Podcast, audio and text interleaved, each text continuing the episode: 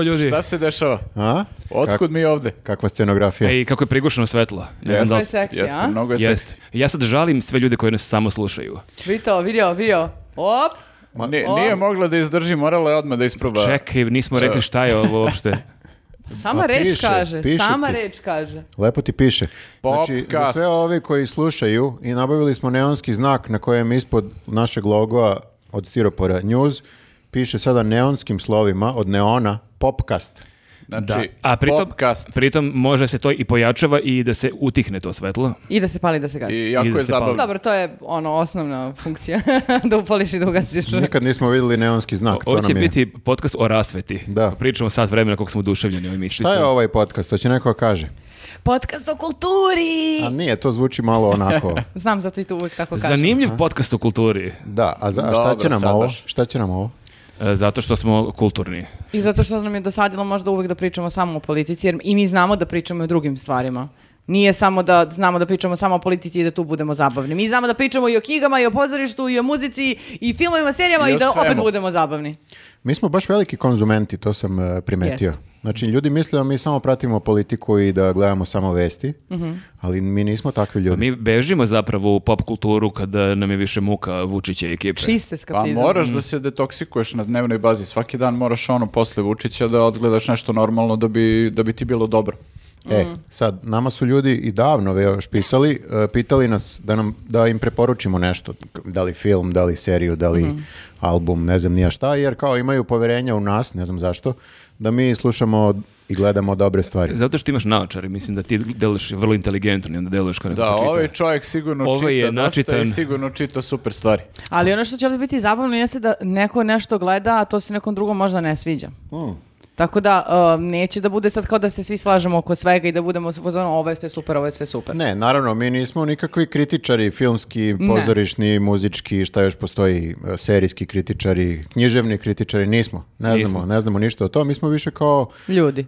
Kon, konzumenti, kao konz... Pa da, zamisli to kao da sedimo kao na nekoj sedeljci svi zajedno i časkamo o tome šta smo mm. gledali prethodnog meseca Jeste. i šta, šta nam je bilo. A imamo ovdje kao sedeljka gde neko svira riblju čorbu pozadine. Ali ja sam nadam da neće. Čekamo Sergeja. da. Tako zamišljam pakao. ja Čekamo nadam da Sergeja da, da nam uleti i da zasvira. Da, Da, okej. kavezu. Sedeljka znači na koja se ne završi e, lošim obradama riblje čorbe i gledanjem YouTube-a. Eto, E, tako da kažem. Može, može. I e, imamo takođe za ljude koji ne samo slušaju da im opišemo da imamo i neku potpuno drugačiju scenografiju. Ljudi, I ovo su šta je? sve naše stvari. E, Da, ima svašta. e, ima mnogo lepih stvari, a ima jedan e, Polaroid. Scenografija će a, se... Dražić, da, da, da. samo da vam kažem, a, Dražić Moramo džubro, da porazgovaramo o Polaroidu. I, ja zaista, kad si rekla danas, doneće Polaroid, ja sam se oduševio, očekivao sam neki Polaroid iz 80-ih, nešto Odakle pa ovako. Odakle mi je Vl, ovaj- Polaroid iz 80-ih? Ovaj Polaroid star četiri meseca. Nije nego moj, godinu i po moj dana. Moj mobilni je stari od ovog Polaroida. Kakva prevrat da. Polaroida? Pa ovaj- radi. Ovaj telefon je više vintage od ovog. Bukvalno. aparat. Bukvalno ću samo ovo da uradim, samo da vas obavestim, ovdje je telefon za hitne slučajeve da Dražić ovako bude zao, da mogu samo da kažem halo policija, uhapsite ovog čoveka. I e, to će e, se e, dešavati očigledno. Moram samo, da, pre nego što pređemo na pop kulturu, da, moram da prokomentarišem ruku. ovu ruku, zato što juče sam uh, vas dočekao ispred Ikea i u mom gepeku su bile razne stvari koje ste kupili, nisam vidio šta ste kupili i noćes uh, e, otvaram u ponoć gepek i vidim šaku ovako odsečenu i baš mi nije bilo svejedno. Pa Čekaj, mi smo... logično da imamo ruku. Mi smo se spremali za ovaj podcast. Ja, jesmo, da. Scenografiju. Sve bre ali pazi, jako je bizarno ako, ako nas ono tipa neko izbije, prati i ima neki nadzor nad nama, Dražić koji iz GPK vadi ruku i sad ako neko iz daljine špionira ne može ne, da vidi da to nije prava Vi ste ruka. rekli kupili ste neke police i kao ok, ja očekujem neke police, šta već može da vidiš i vidim e, šaku neku, pritom nemam pojma u tom trenutku koja je svrha te šake, zašto ona služi, jer nemam, možda svaka poštena kuća treba da ima ovakvu o, šaku. Ja, ja imam neku sličnu, malo drugačija do duše, ali te šake su jako korisne za različite. Za šta, Nenade, konkretno? Da, Da li želimo da znamo, Nenade? Da li želimo da znamo? Pustit ću vas da sami otkrijete kad budete kupili Naš ovaj... novi podcast News Erotic. Da, da, da, da, da, Čekajte, ova, ova šaka simbolizuje slikarstvo. Fali nam slikarstvo od svih ovih umetnosti koje smo prikazali. Da bi bilo vajarstvo ili vajarstvo, to. Pa da ja mešam da. te dve stvari. Ništa, u sledećoj epizodi imamo ove ovaj, recenzije vajarskih izložbi. E, mm-hmm. može. Mm-hmm. Da, zato što imamo sve, imamo uh, ploče, imamo knjige, imamo stripove, čak neke, imamo gitaru kao simbol muzike. Imamo CD-ove. Imamo uh, CD, šta imamo, filmove, poster. To je sve jasno, tu. ali Viktor, koja je priča? Seriju. Koja je priča iz ovog selotipa? Koji je da, pritom, ovo je, ovo je dosta te, da, tek da. se vidim koliko je teško. Jedina stvar koju ne možemo da objasnimo u stvari. Taj selotip je bio jako jeftin. 100 dinara. Evo sad ću ti kažem, Viktor i ja smo jednog dana završili na Novom Beogradu kod neke babe na gajbi, koja ima ceo tavan pun nekih starih stvari. Zvuči kao početak Dostojevskog. Mm -hmm. Jer sam ja tražila za stan neke polovne Iši stolice neke retro. pare da pozemite od babe. ne, nego kao tražila sam neke retro stolice, a da, pošto kao jeftine su i onda da vidiš šta još ima, da li možda ima neka cool lampa ili tako da, i stvarno ceo tavan u zgradi, pun, pun stvari. Ludila sam uzela neku jaknu, bila sa onim, onim mhm. ramenicama. A Viktor uh, se uhvatio uhvatio za ovo i za... Uh, e, 100 dinara. I mhm. za uh, kucaću mašinu na Ćirilici. Telefon. A, da, jel ima baba? Telefon, moj telefon? isto telefon. Da. Jel... 500 dinđi, 500 dinđi sam platio. O, to je džabe, brat. A, ti baš... koliko je sad fiksno? Ti dobro investiraš na ovo što moram da. mi, kakva je ponuda ruku? Pa slabo, Ru, ruku je bilo slabo, znaš. E, onda ništa. da, imala je pištolj. E, Kakav? Pa kao upaljač, ali Aha. Pa ogroman, ogroman pištolj. Izgleda Znaš, onako ono kao, da, 357, ogroman pištolj, težak ima kapisle neke za, za, kao, za, za upaljač. Ali to nisam teo da kupim jer delovalo mi je opasno. Mhm. Ne znam. Pa dobro, negde mora da Mada, se... bolje bi bilo da sam u gepeku imao i ovu šaku i pištolj pored toga. Znaš, da zaustavi me policija, baš, bi baš bih da. objašnjavao dosta. to ti kažem. E, e? Nego, da se zahvalimo našim gledaocima, Mi smo postavili pitanje u nekom od prošlih e, naših regularnih podkasta da nam predlože i oni neko ime. I koje ime je pobedilo? Ja ne Naše. znam. Nenadovo. E, Nenadovo, ali... Ni... Dobro, moramo da kažemo, znači ja sam ovo predložio još, ne znam da li dok smo snimali neke od prethodnih podkasta ili je to bilo van kameru, uglavnom uglavnom ja sam predložio to kao popkast, a do, ispostavilo se da je dosta ljudi imalo sličnu tako ideju, ovaj, samo su bili u fazonu ovaj news popkast, tako jesi da je to poslao, na kraju... Jesi poslao na mail ovaj predlog svoj? Da, da, e, svi, misliš, ja sam zvanično svi, da. Što bi rekao grafa da zapljunem ideju. E, svi, plagiri, svi plagijatori se uvek vade i ne, ja sam to dan ranije baš ja pomislio. Ja sam pomislio, da, ali dok pomislio. Dok sam se tuširao, baš mi palo na pamet. To što ti mm. pomislio, on je, ja mislim, to izgovorio uh, u, u, u, na snimanju pretprošlog Jel poslao na mail? Nije. Ćao. Rekao je bre uživo u programu, Pazi, to nemam, se računa. nemam pisani trag, ali imam snimani trag. Svi Tako ovi da. koji da. su uh, rekli po, popcast, a bilo je ljudi koji su predložili Jesu. popcast, uh, dobit će nalepnice. I samo da kažem odmah na početku, nalep, prva tura nalepnica je već poslata, da ne brinu ljudi da, da smo zaboravili. Tako da znači, ovaj nalepnice su na putu do vas. Nalepnice su na putu, čak i magnetiće su dobili. I magnetiće isto. Yes. Da. I uh, uh, uh, i ovi koji nisu dobro ubali ime, koji su lupali neke ove gluposti, ajde reci sad šta su sve slali. E, ali bilo je super nekih e, predloga. I, I, oni će da dobiju nalepnice. Jedan uh, uh SF Goca rekao Pup News podcast. Pup. Pup. Pup. Kao pups? Kao kak. Aha, A, okay. P-O-O-P. Da. Pup. Pup. Pupkast. Dobro. Pupkast. Pupkast. Okay. Onda. Pa ka, kažem, kažem sranje, predlog. To je smešno da se izgovori. Pupkast. Predlog, na, Siniša Udovičić, predlog naziva za kulturni popkast, Tur Cool Podcast. Turkul? Turkul. Turkul. Aha, kao kurtula kao u, šatrovački. U ogledalu. Naš. A, okej. Okay. okay. Pa dobro. Okej. Okay. Propo. Propo. Kast. Kast. Propopkast. Propopkast. Propopkast. Propopkast. Uf, da. A, teško, malo, mala jezička vežba, da, A, da, ali nije loš. Sljedeći, naravno, predok Kulčina podcast. Kul, kulčina? Kulčina. Kao kultura? Aha. Pa kul... I kao kula. Čina. Mm -hmm. da. Okay. da. Ali ne znam je li ovo vredljivo za nas ili... Ili za Kulčina. kulu. Ili za da. kulu. Okay. I predlog Kud podcast kao kulturno-umetničko društvo. Da. Mhm. Ali moram da kažem, ja ne znam ništa ni da sviram, ni da pevam, ni da ja crtam. Nikad ništa. nisam bio u Znam malo da crtam, ali... Ti lepo crtaš, nemoj da si skroman. Da. Ali džabe, džabe je to. Dobro. Da, da. Ja bukvalno ne znam ni da sviram, ni da pevam. A to ti kažem, znači mi imamo sve ovo, imamo knjige, niko ne zna da piše, mada je Dražić napisao da, jednu da. knjigu. Imamo gitaru, Nerad ne zna da svira. Mm. Ne znam, da. Ni ti ne znam, ni ja, ne, niko ne zna da svira. Ja da niko da znam, ja sam toliko tužan što ne znam da pevam. Ja sam u fazonu, ja da znam da pevam, ja ne bih govorila. Ja bih samo pevala. Mm, to ti verujem. ali, ali, ali, je možda i bolje što, što ne znamo ništa, jer ovako imamo vremena da konzumiramo.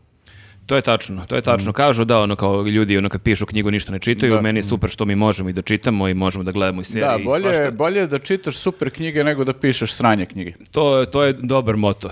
To je dobar moto i hoćemo da pređemo na naš prvi deo ili trebaš nešto da kažemo na početku?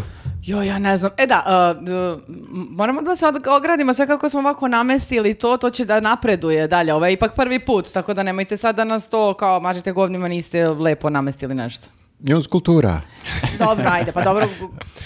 E, e, dobro. Ovo je fluidna scenografija. Jeste, da, to, je, da, to će se menja svaki mm. put. Ovo ćemo da farbamo, da dodajemo, da uzimamo. Da, možete dok slušate ono šta mi pričamo, možete i da zagledate, da zoomirate šta tu sve ima, ono, pa da vidimo šta mi je interesantno, prokomentarišite nešto i tako. To, to sa menjanjem, to je dobar trik za nas jadnike koji, koji nemamo para za scenografa. Pa da. Mm. Pa jer kao, da. da. I ako ima neko od scenografa ko gleda naš podcast e, sada, nek kaže, nek nas pohvali u komentarima ili ako ima neku ideju kako da unapredimo i to isto može. za dž, za dž. Normalno, normalno. Za dž ništa ne plaćamo. E, ovo je kao ono ti tinečarska soba kad nalepiš ono sto postera jedan preko drugih, nemaš pojma gde si šta stavio, tako da je nama odjelovalo jako zabavno dok smo ovo sklapali jer nemam pojma kako će ovo izgledati na YouTube-u, ali da i e, pritom je vrlo entuzijastična ideja bila da mi svaki put ćemo imati kao druge ploče, druge knjige, Jeste. druge stripove već vidim narednih ono pet podcasta, to je to. Ma za jebi, to je Black to. is desno, levo, Springsteen. Pa ne, ja kažem Rađeko, ali ja nemam trenutno toliko ploča. A kaže Rađe, pa svakog meseca moraš da kupiš nove. Moraš, moraš, pa ne može gledati. Da, ovo je, to sam teo da kažem, uh,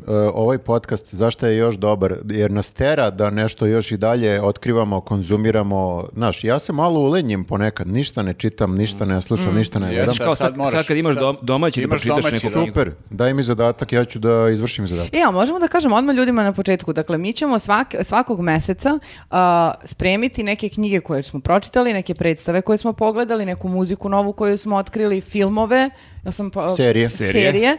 i svaki put će to da se menja, tako da možete i vi u komentarima možda da nam predlažete neke koje smatrate da su dobre da i mi pogledamo pa da pa vidimo. Pa, da, i ne samo nama, mislim, meni je super što jedna od najboljih stvari na društvenim mrežama je što sam tu tolike knjige, serije, filmove otkrio, tako da je okay da vi negde preporučite ljudima i, i nama, a i ostalim ljudima koji čitaju komentare, mm. ako ste gledali nešto dobro, čitali nešto dobro, to može bude zaista negde način da će i ljudi koji nas prate otkriti nešto i, i od nas, a i od drugih nekih da, ljudi. Da, uvijek ima nešto što smo propustili propustili, što ne stigneš da pogledaš, što je vjerojatno dobro, tako da javite vaše preporuke.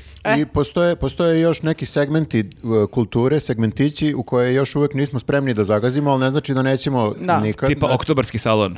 Na primjer. Uh, nemojmo preterivati, ali htio sam da kažem... sajam knjiga. Ne, kakav sajam knjiga? Pa to, to knjige imamo. Ali da. knjige dok ovo izađe već će biti gotov sajam knjiga. Ali Ljudi... oktobarski će trajati do 4. decembra. Možda neko od nas bude toliko hrabar i ode. Dobro, Otići dobro. ćemo. Ajde zajedno. Kao da... Sljedeći, evo, sljedeći podcast pričamo i oktobarski. Ako bih da- mogao samo da završim da misao. Da čujem na što čovjek. Izvinjam Segmentići. Znači video igre.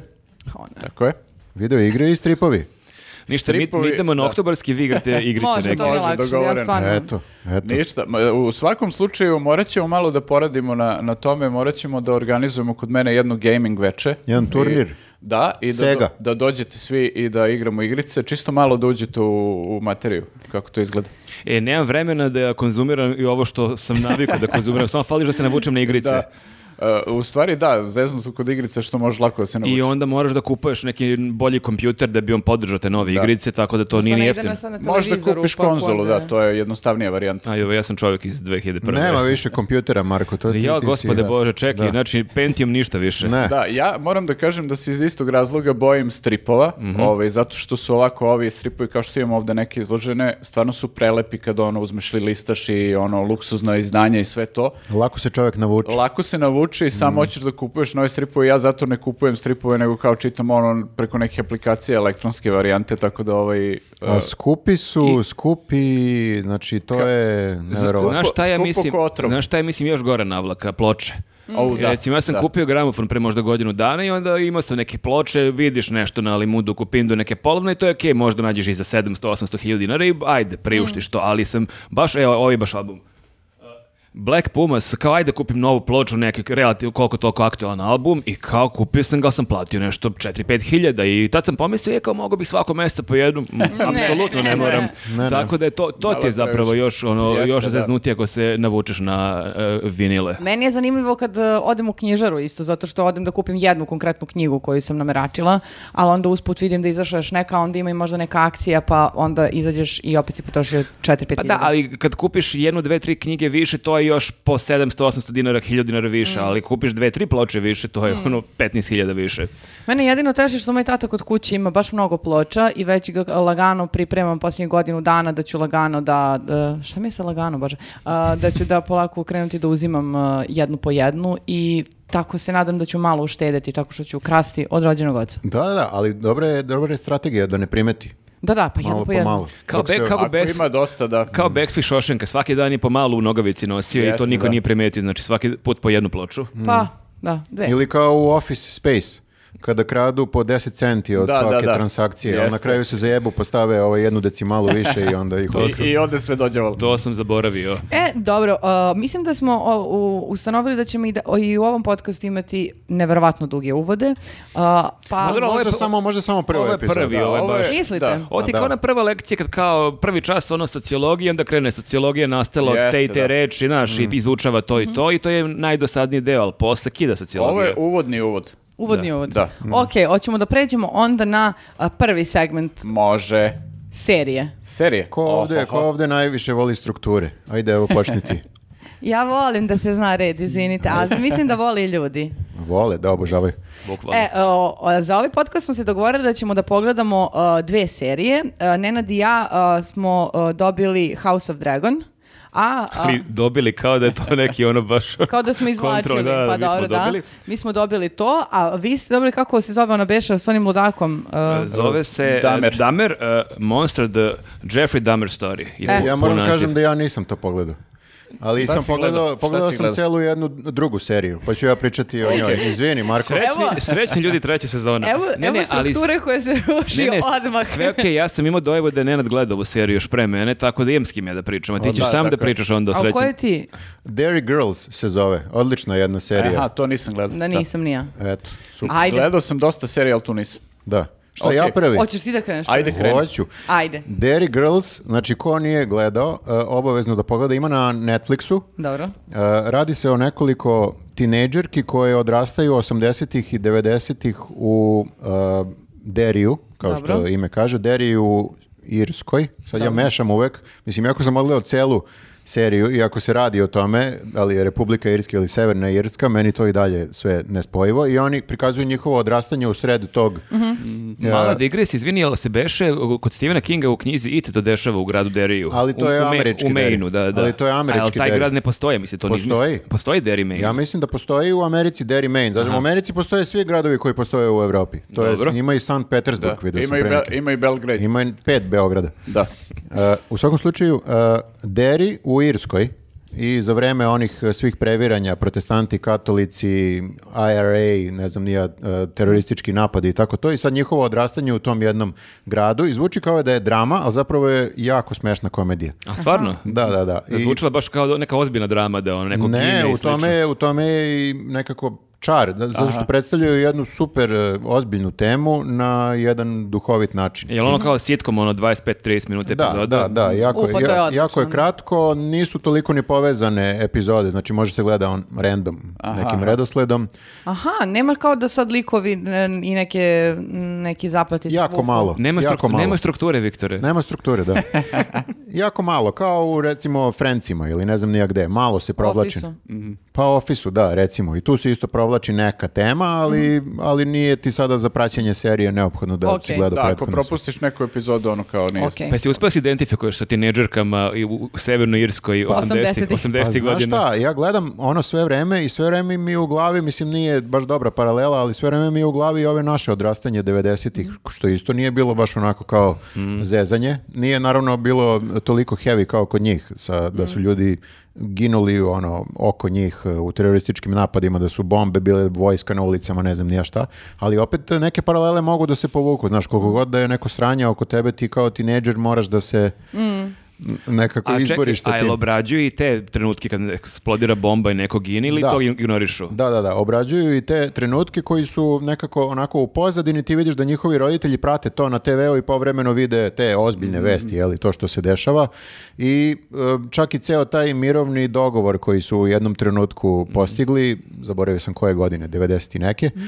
e, i to se isto isprati, da oni na kraju otprilike idu da glasaju na tom referendumu, da li da E, da li da bude postignut mirovni mm sporazum ili, ili ne. I mm -hmm. zapravo tu se i završava serija jer kao konačno nastupa neki mirni, mm. mirniji period. Ne, mene baš zanima zato što, mislim, nisam čuo za tu seriju, ali uvek imaš to pitanje sa čim se sme šaliti, što smo mi u ovom podcastu pričali, ono, kao, mm. zato me zanimalo na koji način, uh, koliko imaš prostora da nešto ozbiljno provučeš, a da opet bude nešto duhovito. A mora, moraš baš da paziš, zato što mhm. kao može da bude, u neki trenuci onako vidiš da jesu malo, uh, ne znam ja kako bih rekao, na ivici da budu patetični i mhm. na ivici da budu, da skliznu u nešto neukusno, ali meni je, na primjer, baš jako prijelo i sa ženom sam gledao, tako da i njoj je isto, mhm. isto prijelo.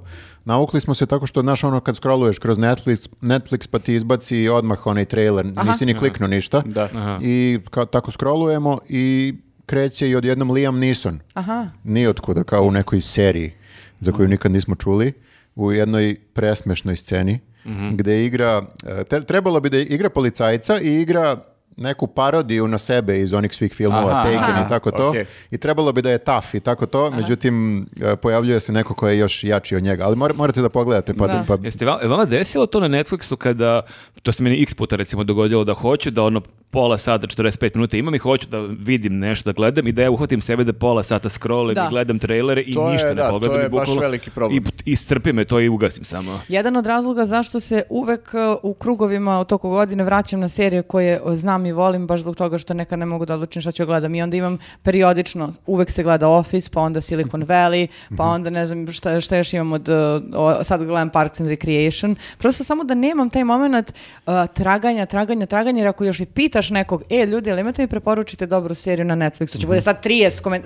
mhm. komentara i preporuka, što znači da ti opet svih tih 30 treba da odeš, pogledaš, porazmisliš da li ti se baš... Da, ja imam ovaj sad već ono kao u onom delu da nastaviš da gledaš ono Aha. stvari koje si gledao. Tu, Gomilaš tu, a? Tu mi se nagomilalo već nekoliko serija, tako da u svakom momentu kad sedne mogu da gledam, ali dešavalo se to i to najviše mrzim, iziritira me kad ono kao dođem, ne znam, s posla ili to kao hoćemo da sednemo da gledamo nešto i ono, spremimo neke grickalice ili hranu, ali problem je ako sam gladan u tom momentu i onda sednem i shvatim da nemamo predstavu šta ćemo da gledamo, a gladan sam, hoću da jedem, ali ne bih da jedem pre nego što pustim seriju. Aha. I onda budem u pozonu to kao, ma pusti Silicon Valley, ono, nek ide nešto. Jel, znaš ti da meni, moja sestra ima isti problem, znači, o, kad napravimo kokice da sedemo da gledamo film ili neku seriju, ja naravno krenem halapljivo ko svinja dedem da pre nego što počne, bilo šta. Stvarno ti, a, čekaj, otkud taj moment? A Milena onda uzme tu činiju sa, uh, sa uh, kokicama i ovako je skloni sa strane, ne prilazi, brate, pusti. Ne može dok ne krene film. Isto je u bioskopu, nema veze. Ako trailer idu, ne, ne, ne. Čekaj, druže. Kad film zvanično zna se, zna se može da se jede. Pa Tako da, da je, to je ali, ti kao neko ko poštuje strukturu, trebalo bi to da, da Ali je jako zanimljivo ove, što je to tvoje mlađe sestri, to nekoliko godina mlađe, pošto zvuči kao da je stari od tebe 10 da, da, da, godina, da, ti onako mama neka. Popuje ti nešto tu, da. Kaži, ja poštujem, kažnjavate. Ja poštujem e, strukturu da. svoje alavosti. Da, sestra je tu glas razum u stvari. Da, da, da. Ne, kogod je upoznao njenu porodicu zna da je Milena, znači njena mlađa sestra je jedina u toj porodici normalna. Da, da. Znači, stup, roditelji su ti čao, ti si čao, Tako jedino reći, Milena. stup odgovornosti da, i da, da, razuma. Da, cijela porodica je na najmlađem detetu. da, da. Super je što smo u dosadašnjim podcastima zazeli samo mene, a u ovom novom podcastu uvukli i moju celu porodicu. A ne, izvini, ja sam tata, pohvalio Ne, ne, tvoj tate meni je rekao da te previše zezamo i zato smo odlučili da malo zezamo i Njih. mamu i tatu. E, da, čisto malo da se raz razredni Ali otac i majka su ti čao, ti si čao. pa istina je. Ove, ovaj, dobro. dobro. Hoćemo... Uh... Nego, eh, vi ste gledali ovi prequel. Uh... Jo, jesmo. Ja gledam i uh, moram da kažem da nisam pogledao prethodne dve epizode uh, i već se negde uh, mučim sa tom serijom kao što se mučim sa ovaj, The Walking Dead. Ovaj mm -hmm. pošto sam ja verovatno jedini, jedini, jedini da ti gledaš koji gleda Dead, ja, ja 11. godinu. Da, ja sam verovatno jedini čovjek koji dalje to gleda, ovaj zato što ovaj uh, e, mene sad me nervira, sad je ono kao uh, producenti Walking dead Deada koji snimamo novu sezonu, ajde da odustanemo, ne ne, ima jedan čovjek u Srbiji, čeka nas, ne možemo da ga izneverimo. Ne, ne, sad je to ona igra, znaš kao ko će duže da izdrži, ona ili ja. Ja samo hoću da vidim da se ta serija završi kako god da se završi. Ti se onako malo zinatio. Ali da, i se... oni verovatno pokušavaju vas koji ste preostali nekako da, da odbiju. Oteraju, da. da nas sve Ovi... oteraju, ali ne vredi, vi ste zapeli uh, pa zapeli. Jeste, i sad imam problem sličan sa, sa ovom uh, serijom ovaj, uh, House of Dragons, što je kao ovaj, nekako ne, izgubila je već u startu ova, The Walking Dead je to izgubila pre ne znam koliko sezona. Ovo je, koliko decenija. Da, da, ovo je u startu ono, nemaš strukturu ono mm. kao koja je kao... Na nekako, koju si naviko Na nekog. koju si naviko i, i prosto, znaš, očekuješ mnogo viši nivo ono, u, mm. u, u toj seriji zato što je prequel uh, ono...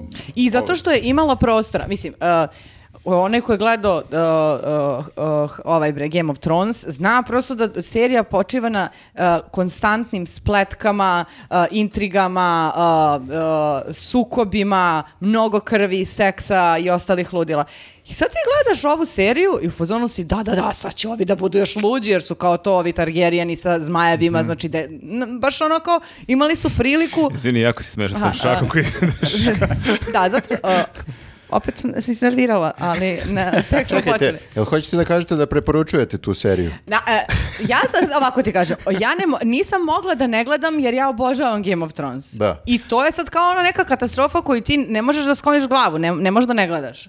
Ali, uh, prvo, uh, imaju situacije kao, evo ovako, znači kao kad si na premijeri nekih srpskih filmova koji su u stvari snimani za seriju i ti onda gledaš film u bioskopu i shvatiš da prosto... Fale neke scene. Da, fale uh, uh, između priča koja je dovela lika od tačke A do tačke B. A čekaj, ovo je serija. Upravo. Jeste, da. I ti si u fazonu. I opet fali. Znači, treba još neki prikol prikvola da se snimi. Uh, de su bre maltetiranja, de... Tak... Znači, ono... Oce... Čekaj, pa čuo sam da ima incesta. Ne, čak, ali, ali pazi. Ali nije sočno, nije da. ništa sočno, znaš, sada da su tu. Ni incis, ni kao što nekada ne, bio čak... Viktor, ja kažem. čak, i, čak i kad se dese te neke Aha. shocking stvari, bilo Aha. da su vezane za seks ili za da, nasilje. navikli su vas. To je, to je sve onako u odnosu na Game of Thrones, ti si u fazonu kao da je to parodija, kao da se neko samo zajebavao da. i kao nije tu scenu ono razradio kako treba i ono nekako je bledunjavo i slabo. Mm. To je baš naš prijatelj Bulić pričao kod Darit u podcastu da treba da se doziraju ti šokovi, da ne možeš, ako navikneš pustiš publiku na velike šokove, mm. onda oni traže još šokova, ne možeš, da. ne, i vi ste sad gotovi, ne, vi, vi, ste ćao. Ovaj, ne, pazi, ja ću gledati dalje, naravno. Znaš šta, ti, ti ni u Game of Thrones nisi imao mnogo tih šokova u smislu da te zatrpaju time, ali su jako dobro bilo, bili smišljeni, tačno se da. ono, e, savršen timing, e, savršeni likovi su uključeni u to, tačno znaju za kog si se lika vezo pre nego što... Kog će da ubiju. I ubiju da. ga na kraju prve pre... sezone. Pre... Mene su da. tad izgubili iz doviđenja prijetno. E, ali ti takve, recimo, momente Žao mi. nisi imao ono previše, ali te koji si imao, to je sad antologija, znaš. Da. A ovde imaš kao nešto, vidiš da je čak isforsirano, samo kao mm -hmm. da mhm. e, znaju da mi očekujemo te stvari i onda ubace na silu nešto što mm. nema smisla. A čekaj, ja koji sam gledao samo prvu sezonu Game of Thrones, da bi ja mogao da, ja bi ja mogao da pratim ovaj prequel. Ma, naravno da bi mogao, to je ali... sad sve, to je 100 godina unazad ide, znači to je pre nego pa, što dobro, je... Pa dobro, znači bitno je samo da znaš e, da se tiče te porodice Targaryen, ono, ono kao koji imaju te zmajeve i to kao oni su u kasnije... To kao da, Karadžorđević. Da, oni su ka, sa zmajevima, da. Oni su kasnije tokom serije razvijeni kao likovi njihova priča u Game of Thronesu, ali mislim da možda pohvataš ono kao... Ali ipak je savjet da, da, bolje gledam Game of Thrones, kad već to nisam gledao. A moraš prvo da odgledaš Game of Thrones. Game of Thrones je dobar. Znaš šta je moj najveći problem tu, što nekako jako je mnogo serije, jako je malo vremena i onda da, mene jako uznemiri kad ja vidim da imam, kao neko preporuči seriju koja god je u mm. pitanju, onda vidim, ja baš da vidim kakva je ono, pet sezona po 12 epizoda po sat vremena. To da. jeste zavisno. Ja ne mogu to da e, se e, upustim. A znaš šta, ja ovaj, recimo Game of Thrones sam uh, započinjao dva put i Isto. odustajao i to posle druge, treće epizode, ono, tipa svaki put ono, prvi put odgledam dve, odustanem, sledeći put odgledam četiri, odustanem. Mm. Tako da treba samo da joj daš šansu tipa to, da dođeš do, do druge sezone recimo i ta će krene ono ja? da, da Meni se desilo da sam isto prvi put gledala Game of Thrones, sećam se na faksu, mi je pustio neko kad sam videla ono, ono dete sa plavim očima kao neki zombi, bilo sam znala, doviđenja, druže, bre, neću da gledam to. a, a Saif zonu, što je tako malo incesta? Ta, da, a onda, što je tako malo onda je prošlo tipa godinu dana i tad je već izašla uh, druga sezona i ja se sećam da sam jednom sedela 20, u dva dana 22 sata ono mhm. bez ali prestanka. ja nemam taj luks, ja ne A mogu ne, sad. nemam ni ja sad, tad sam bila na faksu, mislim, ali opet možeš da... Možeš ne da gleda da lep nego uporan, to je moraš da... Da, očigledno. Ja Better Call Saul, koja je super serija, gledam već tipa petu godinu Aha. i imam još 12-13 mm. sezone. Nekako pa, dobro, da. vežem 2, 3, 4 epizodi, onda ne gledam 6-7 meseci, pa onda opet pogledam dve. E, zato je meni super kad je neka miniserija, vidim da je to u startu mm. šest epizoda i ja znam da ću to u narednih 10-15 dana odgledati. Jer... E pa Derry Girls, to ti je da. jako malo sezona i jako malo epizoda A malo po sezoni. sezona nije znači jedan, nego ima više sezona. Četiri. Uh. Da, to je okej. Okay. Ali malo, malo ima epizoda po sezoni, mm -hmm. kratko traje epizoda, mm -hmm. znači bombonice. Uglavnom da, što se tiče ovoga, mislim ono, eh, šta mogu kažem nekom ko nije gledao kao Uh, gledat ćete sigurno zato što ste gledali Game of Thrones i on zanima vas da vidite kao da. ovo. Da ali vrlo je velika verovatnoća da ćete se razočarati. A jel postoji neko da ste čuli da je u fazonu da gleda jedno i drugo da mu ovo kao ima, tog ranga ili čak ima, i bolje? E, nisam vidio neke ekstremne ima jedan pohvale. u Americi. Ovaj, da, nisam vidio ekstremne pohvale, ali vidio sam da, lju, da je ljudima okej. Okay. Eto, to je Mislim, ono ima na primer ovaj lik e, plavi met, kako se zove, ovaj što glumi uh, brata i da, da, da, muža. Da, Mislim, mhm. on, ima stvarno ljudi koji su napravili odlične likove tu. Ima tu momenta koji su super. Pritom, uh, lik koji glumi desnicu je stvarno odličan glumac i ja sam baš bila u fazonu kako, kako su super odrabali njega za kast, očekivala sam sad će on da bude, jer i u Game of Thronesu ti je ta, da, kao desnica, one koji čovek koji uskralja i savjetuje ga, je bio ono jedan od najozbiljnijih spletkaroša. Mm. I mhm. ovaj spletkari, ali to nekako traljavo, bre. Mhm. Znači, pa, e, i onda ta neka ima se neka, neka s nekom prostitutkom koja mu nešto to otkriva, ona njemu preti, ti sad si u fazonu kako će da joj mm -hmm. uh, kasnije, pošto se ona sad Šta? malo E, pa... E, Oseče šaku. Da. Ništa. Ništa. Ništa, on da. Sisica. Idemo dalje. Mm. Idemo dalje bukvalno. Nema, onda ovaj nema, neki nema ni incesta među da, da. zombijima. Ne, da, da, to... onda uvođenje nekog novog uh, doušnika koji je za kraljicu On samo jednom trenutku čovjek se došeta u vrtu do kraljice i kaže, e, ćao, mogu da ti otkrivam tajne. Nigde ga pre nisi video da gleda sa strane, da on, ma, ne, ne, mm, da sad Nisu on ga gradi, uveli. gradi, gradi, mhm. gradi. Ne. A onda uvode neke A ti očekuješ nekog Tarkovskog, ono, neka scena, ono, ne. šeta 20 minuta. Pa ne, ali onda imaš, na primjer, scene da uvode, uvedeš lika bukvalno na 3 minuta samo da bi ga roknuo. Mhm. Tipa, žena do, dolazi, uh, uh, jaše konja kroz neku livadu i ti vidiš neki, ono, totalčinu, neku potpuno bespotrebnu, gde vidiš kao da uopšte nije Lepa urađeno... fotografija. U, kao da nije uopšte urađena kolor korekcija. Sam popozno, čekaj bre, ovaj kadar čekaj, nije... Čekaj, ti ne. to gledaš sada. Pa, ali Alo. zato što odskače od, mm. od boje svih ostalih kadrova. Nemoguće, ovo ti Čuj, kao, nismo, nismo kritičari ono, serije filmova, a loše je kolor korekcije u šestom frejmu. Nisam kao, wow, samo čekaj. ja to primetila. Primetili su i drugi. Majke mi moje, majke mi moje. Dobro, dobro, pa e. pa ne, verujem ti. Bre, uglavnom, znači vas dvoje ne, a?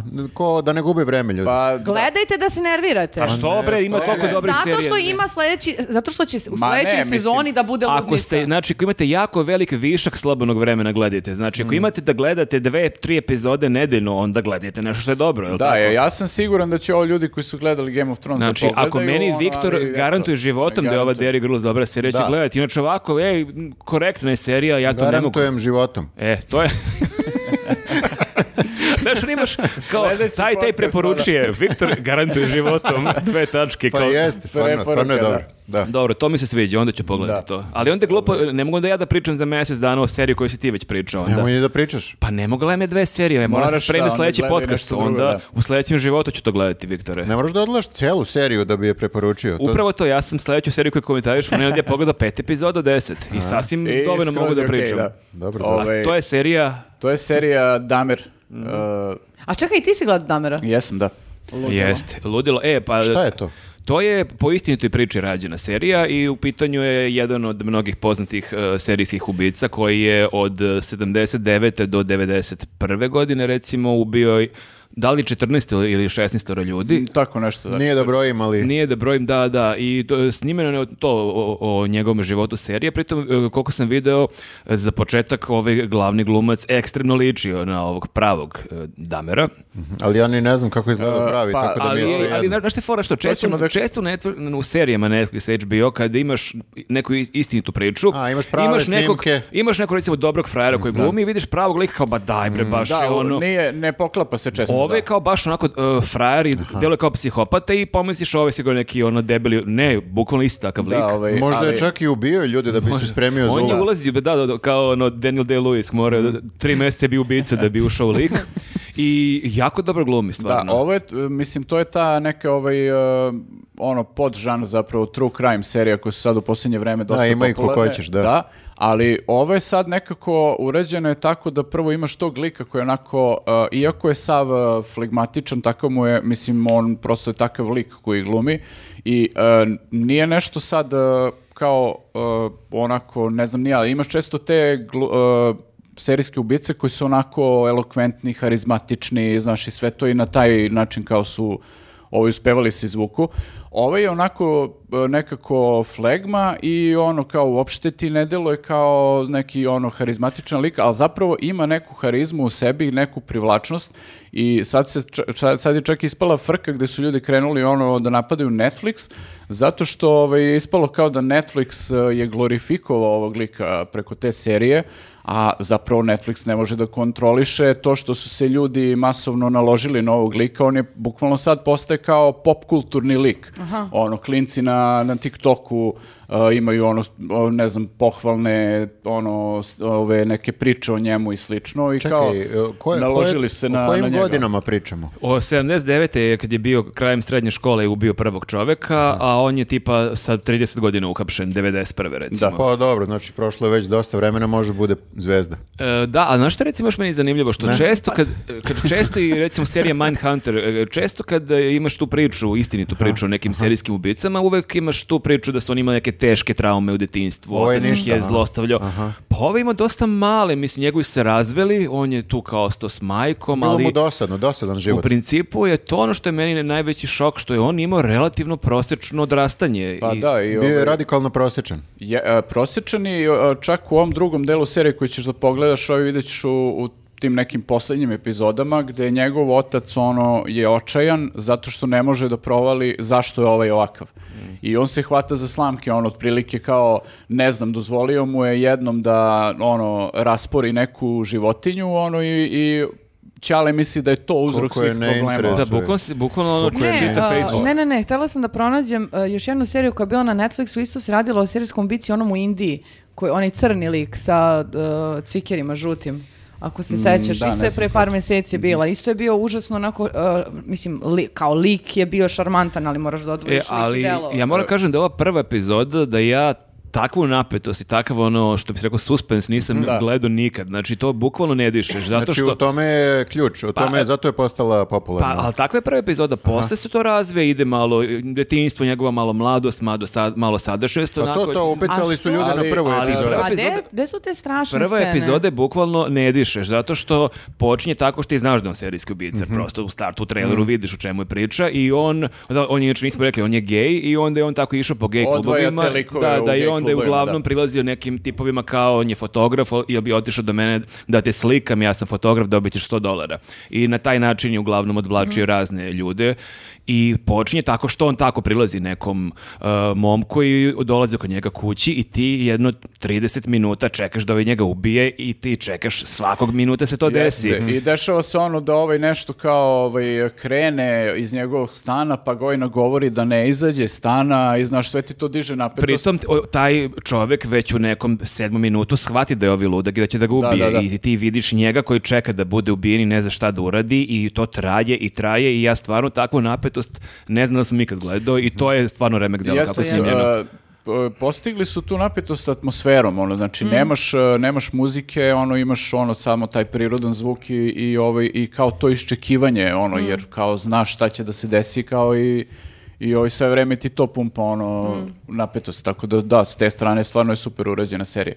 A s druge strane, samo kad smo pomenuli tu harizmu i to što se ljudi sad naložili na ovog lika, uh, smešno je što sad ti imaš uh, trenutno isto kao o John Wayne Gacy-u ovaj, uh, seriju, isto ono, true crime fazon, gde ovaj, uh, je isto dobro odrađeno, s tim što onako i poludokumentaristički malo imaš te dokumentarne delove, ovaj, ali na njega se ljudi nisu naložili uopšte na taj način, jer kao totalno je drugačiji lik i bizaran znači, je. Znači, ako ono, si serijski ubica, moraš da budeš seksi. Moraš da budeš ono, da, ovaj, tako malo kao da se, ovo ovaj je bukvalno ono, znaš, imate neke naučare eh, da ga vidiš u, ne znam, nekom ono hipsterskom klubu, mm. potpuno se uklapa u, u, u celu tu priču, tako da ovaj, mislim da je to onako kliknulo kod ljudi. Pa dobro, ali sigurno da, da, da nije kao sad zamišljamo svaki serijski ubica je neki ono neharizmatičan, užasan psihopata. Mislim, jesu psihopate definitivno, ali ovi su bili nekako upeglani da bi na taj način privlačili svoje žrtve. Mene je stvarno podsjetila ta priča za ovog lika koji je u Indiji uh, godinama uh, ubijao, uh, st ali strance koji su dolazili tu. To je naravno povezano sve sa hipi pokretom. A, čuo sam za to. Ostavit ćemo dole linkove da. i opise ispod, da. ispod videa svega što smo pomenuli. E, ali da... meni je zanimljivo kako recimo uh, kod nas još, još uvek, uh, ako mi nešto nije promaklo, kod nas nije snimljena nijedna jedna serija o nekim serijskim ubicama, a recimo a mnogi, mnogi ne da. znaju da ima materijala, da ima je sad, zaboravio sam kako se zvao čovek koji je 40. ih i 50. ih godina u Zvezdarskoj šumi ubio tipa 15-20 ljudi, žena uglavnom, a pretpostavlja se da je ubijao i mnogo više ljudi nego da se to nije otkrilo. Mm -hmm. Tako da baš kad smo komentarisali, kad sam vam ja rekao za tu priču, baš je bila prva reakcija kao da li Bijela zna za tu priču, tako da možda bi bilo zanimljivo vidjeti kod nas kako bi tak, takva serija ispala. Pa dobro, pa- sad su, sad su ovaj, kod nas su aktuelne te ono kriminalne serije mm -hmm. sa, kao sa tom kriminalnom tematikom i ovaj, tako da kapiram da je to možda sledeći korak da se mm. da, Ali mi da pratimo trendovi i onda ako postoji, a očigledno postoji taj neki trend na Netflixu, na HBO da, i na da, drugim da, nekim streaming servisima da se prave seriju nekim mm. serijskim ubicama, možda stvarno i kod nas. Neko bila, da, ali... bila je katabaza, katabaza je bila. a to nije istinita priča. nije istinita, da. Ka, hoću kažem samo kao postoji da, ali možda neki, da. neka na, na, ono, nagovešte toga da će mm. biti neki ali serijski meni baš dodatan strašan moment u tim serijama je upravo to kad znaš da se to desilo. Jer ti kad mm. gledaš to katabaza, ok, sad štimac je to polude, on tamo ubije ljudi, ljude, ali ako ti znaš da je stvarno takav lik postojao mm. i da to postoje te žrtve, onda plus je, to... Plus je još strašnije kad nije harizmatičan. Mhm. Pa i meni i e, još je zanimljivije da to gledaš da se vreme platiš njega kao glavnog likla, lika i kako se razvija i kako razmišlja, a ne da pratiš e, detektive koji ga jure i koji sad pričaju o kako je strašno i šta je sve uradio, nego baš da ti ugova priča bude potpuno drugačija, tako da mi je zato i, zato i zanimljivije i strašnije, mislim. Pa ću da gledaš ovu seriju, smo te zainteresovali. Pa ali mnogo si mu uplašio, ja nisam ne, ne, sigurna e, pa, da e, e pazi, ja sam prve, tanka sa živcima, prve ti to epizo znaš. Prve epizode, da, baš je onako, baš je trening za živce, posle ove ostale nisu, nemaju tu vrstu napetosti. Jer Samo ja sad... Posle, ti imaš jedan deo zapravo kad e, njega uhapse ovaj, i posle ide to, e, ne znam, suđenje, pa ono, više imaš te neke flashbackove šta se dešavalo u prošlosti, tako da nije ovaj, cela serija. Ali znaš što je najveći taj detalj, što ti vidiš da je nekoliko puta je malo falilo da ga uhapse, tipa, bukvalno se desi, e, pojačala si samo...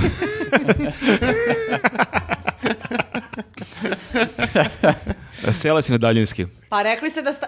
e, dobro.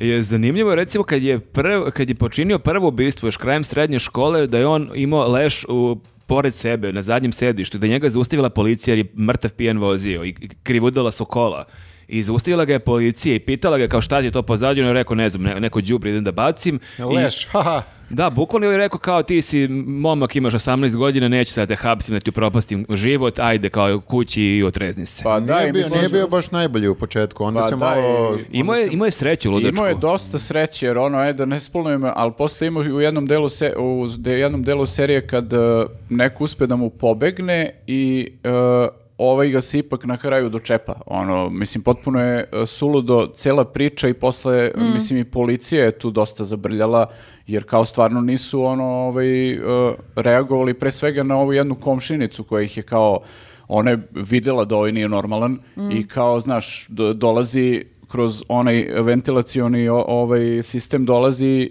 smrad iz njegovog stana užasan I ona ga prijavljuje milijardu puta policiji i policija u fazonu, a ova ludač opet zove, znaš. Ali no. mislim da tu zaista imaš i taj moment, taj rasistički moment, što je on živeo u crnačkom kraju Jeste, i on da. kao neki lep belac tu, u tom e, kraju gde su masa njih su bili mm. neki narkomani, propali neki mm. kriminalci, da su vratno njega policajci gledali kao neko ko je tu svetla tačka, bukvalno. Pa mm. jeste, da, da. I to je ono kao, posle se problematizuje ono na kraju serije taj odnos policije i koliko mm. su oni tu zapravo zeznuli stvari, jer kao mogli mogli su da spreče ono pola tih ubistava zapravo. Pa da. Tako da ništa, ako volite seriju o nekim serijskim ubicama, Pogledajte, ako volite, ako volite zmajeve, pogledajte House of da, da Dragon. Da, ovo me, da, ovo me zainteresovalo što je ovo bila e, druga najgledanija serija na Netflixu. Valjda najgledanija ova posljednja sezona Stranger Things, a ovo, no, da ovo bila druga da, najgledanija. Da, da. Tako Jeste, da... to čim se pojavilo baš i onako iskočilo odmah. Ono, Dobro, kupili ste me, pogledaću, ali... E, prvu epizodu, znači, upali samo sveta. Gledaj, recimo, kad je dan. Okay. A drugo Ili uzmi i pročitaj na Wikipediji. Ma ne mogu tako, pogledaću, ali ono... Jeste, ali ono. Da, kroz prste, kroz prste. Pa Dobro. tako, ja ovako tako i gledam. Jeste videli ovaj sada novi trend? Ne znam da li vam je iskakalo to na YouTube-u. Prepričani filmovi. Znači, ceo film neko uzme i sabije u 10 minuta. E, priča u kameru ili imaš klipove? Ne, ne, ne, imaš klipove. Imaš Aha. klipove, pa plus kao ide neki opis šta se dešava. Što bi to neko radio? Zato što ljudi izgleda nemaju vremena da gledaju dva sata film, a da. hoće da gledaju film. I kao onda puste... Hoće da to... da budu informisani da, da u ali... razgovoru znaju čemu je da, film. Bukvalno kao ono ako... siže Dostojevskog kad si imala za lektiru, pa kao skraćena verzija bez ovih glup gluposti, opisi haljina i to, nego samo kao... Košenje trave. Da, ja da. sam... Kako zamišljate do svjetkog opisi haljina na 200 strana? Ne, pomešao sam, Tolstoj, Tolstoj, pomešao sam. da, da, sad si me podsjetio, da. trave da. podsjetio si me sad na nešto čudno što sam isto skoro saznao, znači saznao sam da ljudi sad često ko recimo igra igre, uh, ako te ono mrzi da igraš igricu ili kao ne možeš da pređeš ono neki deo su više težak i ne znam šta god, ljudi kao u nekom trenutku odustanu od igrice i samo odu na YouTube i odgledaju ceo gameplay koji je neko okačio, kao pređena igrica cela da, da, da. i Da imaš osjećaj kao ne, ja da sam da mislim da je, mislim da je luđe da imaš da, da platiš nekog da ti pređe taj nivo. To mi je delovalo da, će da znači, kažeš. Znači, samo odgledaju da je neko prešao celu tu igricu i kao da instaliraju i, i to je to. završio Kad otvoriš vrata igru. levo se nalazi ključ, to sam video. Hoću da ja kažem, moram ne, da priznam ne, da, reci. da sam, kad sam igrala jednom igrici na telefonu na Escape Rooms, e, negde da baš nisam mogla da izađem iz sobe, a tipa potrošim pola sata, sat, jer ne razumem šta treba da uradim, onda pogledam. a dobro, ti, ti si se barem potrudila, okej. Okay. To svi rade, to svi rade. Da, da ali hoću da kažem kažem, e, ovaj podcast se bori protiv toga, znači protiv ovih prepričavanja filma. A da li, Morate da uzmete i da pogledate da, ceo A da li film. podržavamo to recimo za e, ljude poput ili savete koji se plaše tih nekih scena, imaš onu opciju da ubrzaš ono 10 sekundi, 20 sekundi, pa ti ako vidiš da je napet, očekuješ da ga ovi zvekne maljem po glavi, malo ubrzaš. Maki, ali to e, je uvek neočekivano da, da će moj strah da se probudi. Tipa evo u sceni ovaj House of Dragon, kad umire taj kralj kome, koji nema pola face, u jednom trenutku mu skidaju to uh, i vidi vidi se kako ovde ima rupe, on nema oko. Ja sam se prenerazila. A, znači, i... ipak te je šokirala jer nije da pa te ima, nije dotakla. Ima, ima, ali opet Nije to... Znači, Znači, telefon ima neki ono, alarm da ti najavi, e, u narednih 5 sekundi je baš šok. Samo šoka. skloni, da, da, da, e, da, da, da, samo žmuri. to. Pa da. zapravo da. ne bi bilo loše da postoji, mislim, zbog ljudi koji, jel, mislim, zbog ga, gadljivi su, da. Pa, mislim, izvini, ja sam sisica, ali posle me te, da, flashiraju me te stvari, posle, ja neću taj stres u životu, ja zato horror filmove nikad u životu ne gledam. Nikad u životu? Jedan, a, a Hirškoka, recimo? Jedan, e, jedan jedini film sam gledala uh, kao horror, onaj uh, e, So, one testere, pa sad jedan jedan od onih mhm. delova. Da, da, da. Kad vadi onaj ključ ispod revara. Ma nisam gledao, ima, nego, ima, ja ne ali, E, ta, a da, to zato što sam da morala sa prijateljima i taj što film... Si, čekaj, što si morala? A, e, nešto sam izgubila neku opklad, nemam ah. pojma ni ja, jer su me nagazili naravno da moram da pogledam jedan i onda sam većinu vremena ovako. E, pa znaš šta, to je, ovaj, ne znam kako da kažem sa to je onako malo ovaj, e, si uskraćena za neke lepe stvari, na primjer, uh, e, kad, smo, kad je izašao film Ring, Ovaj, mm. I koliko je bilo zabavno da istroluješ nekog ovaj, dogleda taj film, zato što je tu ono kao zvonjava telefona, ono, ključna stvar, kao kad saznaš da će meni da umreš za možda, sedam dana. Meni je to možda najstrašniji film koji sam da, gledao, da ovaj, da kažem. Koliko je bilo zabavno da znaš da neko gleda taj film iz društva i pozoveš ga na fiksni telefon u tom momentu. Da, fora što je... kao zvoniti telefon i kad se javiš, samo ti kažeš... Sedam dana uh, imaš znam, pre znam nego što umreš. Znam, znam za toliko, gledala da. sam onaj, uh, one parodije Aha, Aha ali dobro. meni je recimo uh, mnogo strašnije što, što kažeš taj film Sop, ovi kao seče sebi stomak, to vadi. To je samo ne... gadno, nije to mi je gadno, strašno, to mi je da. gadno onako vizualno, ali meni uvek bilo mnogo strašnije ta neka atmosfera. Da, ne, da, da. mene da. mnogo više uplaši to kad ti vidiš neku sablasnu ženu koja se češlja i zvoni telefon, ja, nego sad... Ja, znači, ono, kad ono dete izađe iz bunara, ja se userem i dan dan. ja sam... Kulturni podcast! Pre, pre, neko, pre, pre neko veče sam baš e, šalto kanali i naletao sam. Da, pritom, ne, to je e, pritom, jezivo, pritom mi je strašnije američka nego japanska verzija. Da. I baš sam uhvatio jedan deo, ali još uvek je deo hororu kad je sve lepo i kao ja, ajde da pogledam 5-6 minuta, ok, sada se približava, ništa, ajde da vidim šta ima dalje na ostalim kanalima, ali tako deluje lepo i naivno dok oni jeste, nešto pričaju jeste, da. po danu. Tako, jer da, meni... tako da ti možeš da preskačeš te delove. To je... Ja moram da preskačem te mhm. delove, jer na primjer ovo kad Marko priča taj psihološki ono, ta napetost koja se stvara, te atmosfere. To isto, tebi baš ne leži. Nekako bre, meni su ruke bile mokre sve vreme dok sam gledala one, taj, za tog serijskog ubicu iz Indije. Mm Mhm. Posebno na kraju kad ga pa jure. što se mučiš, što gledaš to? Pa zanimljiva Gleda je serija. Silikon, gledaj Silicon Valley ponovo. I gledam, i onda pogledam to, i onda pogledam posle toga, na primjer, jedan ofis da se malo, par ofisa da se relaksiram. Ti se kao treniraš se, vežbaš da, se da, da, da, to kao... Pa ne sas... mogu sad da ne pogledam, a ovako je serija dobra. Možeš da ne pogledaš. Bukvalno možeš. Bukvalno možeš. Ja se sjećam, e, e, apropo tih horror filmova i tih spooky scena, meni najstrašnija scena u djetinjstvu e, koja me proganjalo me, ne znam, mesecima uh, e, Strava ulici Brestove, mislim prvi mm -hmm. deo, ali ne čak ni na Freddy Krueger, to noževi, ne znam šta, maske, nego ima ta scena kada neka devojka u toj školi je ubijena i onda ova sledeća spava na času i vidi tu svoju drugaricu koja je onako sva iskasapljena krv, oni kesi providno iza mm -hmm. leševe koje poziva onako, ne znam, mm -hmm. Nancy. Znači, meni taj glas i ta scena, meni je to nešto bilo najstrašnije, bukvalno me mesecima to proganjalo, tako da, da je uvek mi to bilo mnogo strašnije nego to ovi kolje nekog seče, da, da, da, šiklja Ljudi, vrhu, da. vrhunac sekiracije je meni to trilogija, uh, uh, na primjer, Game of Thrones, ovaj bre, uh, Lord of the Rings, da, Aha. gospodari pa ili Harry Potter, ovo, ovo za kraj kad se bori sa ovim Dark Lordom. To je onako tama napeto, znaš... Ko, ko je da žanr horor? da, ali Harry Potter, ne znam da li si gledao uh, ili čitao. Prvi deo je kao dečiji, mhm. ostali idu sve mračnije i mračnije. Mm. E, gledao sam baš nedavno i to sam sa decom gledao, jer sam ceo razred je gledao Harry Potter i on sam morao ja da im to pustim, a sam morao i da im čitam. I e, dugački su dosta i da, mračni su i ima baš strašnih scena. Tako da sam... Ono bre u lavirintu, baš je sekiracija kad made, krene ono da se... Made, meni to stvarno moram priznam jako dosta. Ja, ja da. sam gledao i čitao samo prvi deo. Da, meni je to sve... Tako su rekli su mi ovaj- da je... Mo, molim, ne, nisi gledao delove Harry Pottera? Ja imam 43 tri da, godine. Da, da. Pa šta veze, ima veze, ja imam 31 pa svake ne, godine odgledam sve. Ti si imala tad 15 znaš, godina ne, kad je to izašlo. Ne, ali znaš šta, mislim, nema to veze u suštini, samo je bitno da li ti se dopada, jer kao Harry Potter i gospodari prstenova su ti sad na nivou Star Warsa, zapravo nema veze koliko ali mi se imaš čini, godina, da, ali mi se ljude čini, koji se lože na to. Kao, i...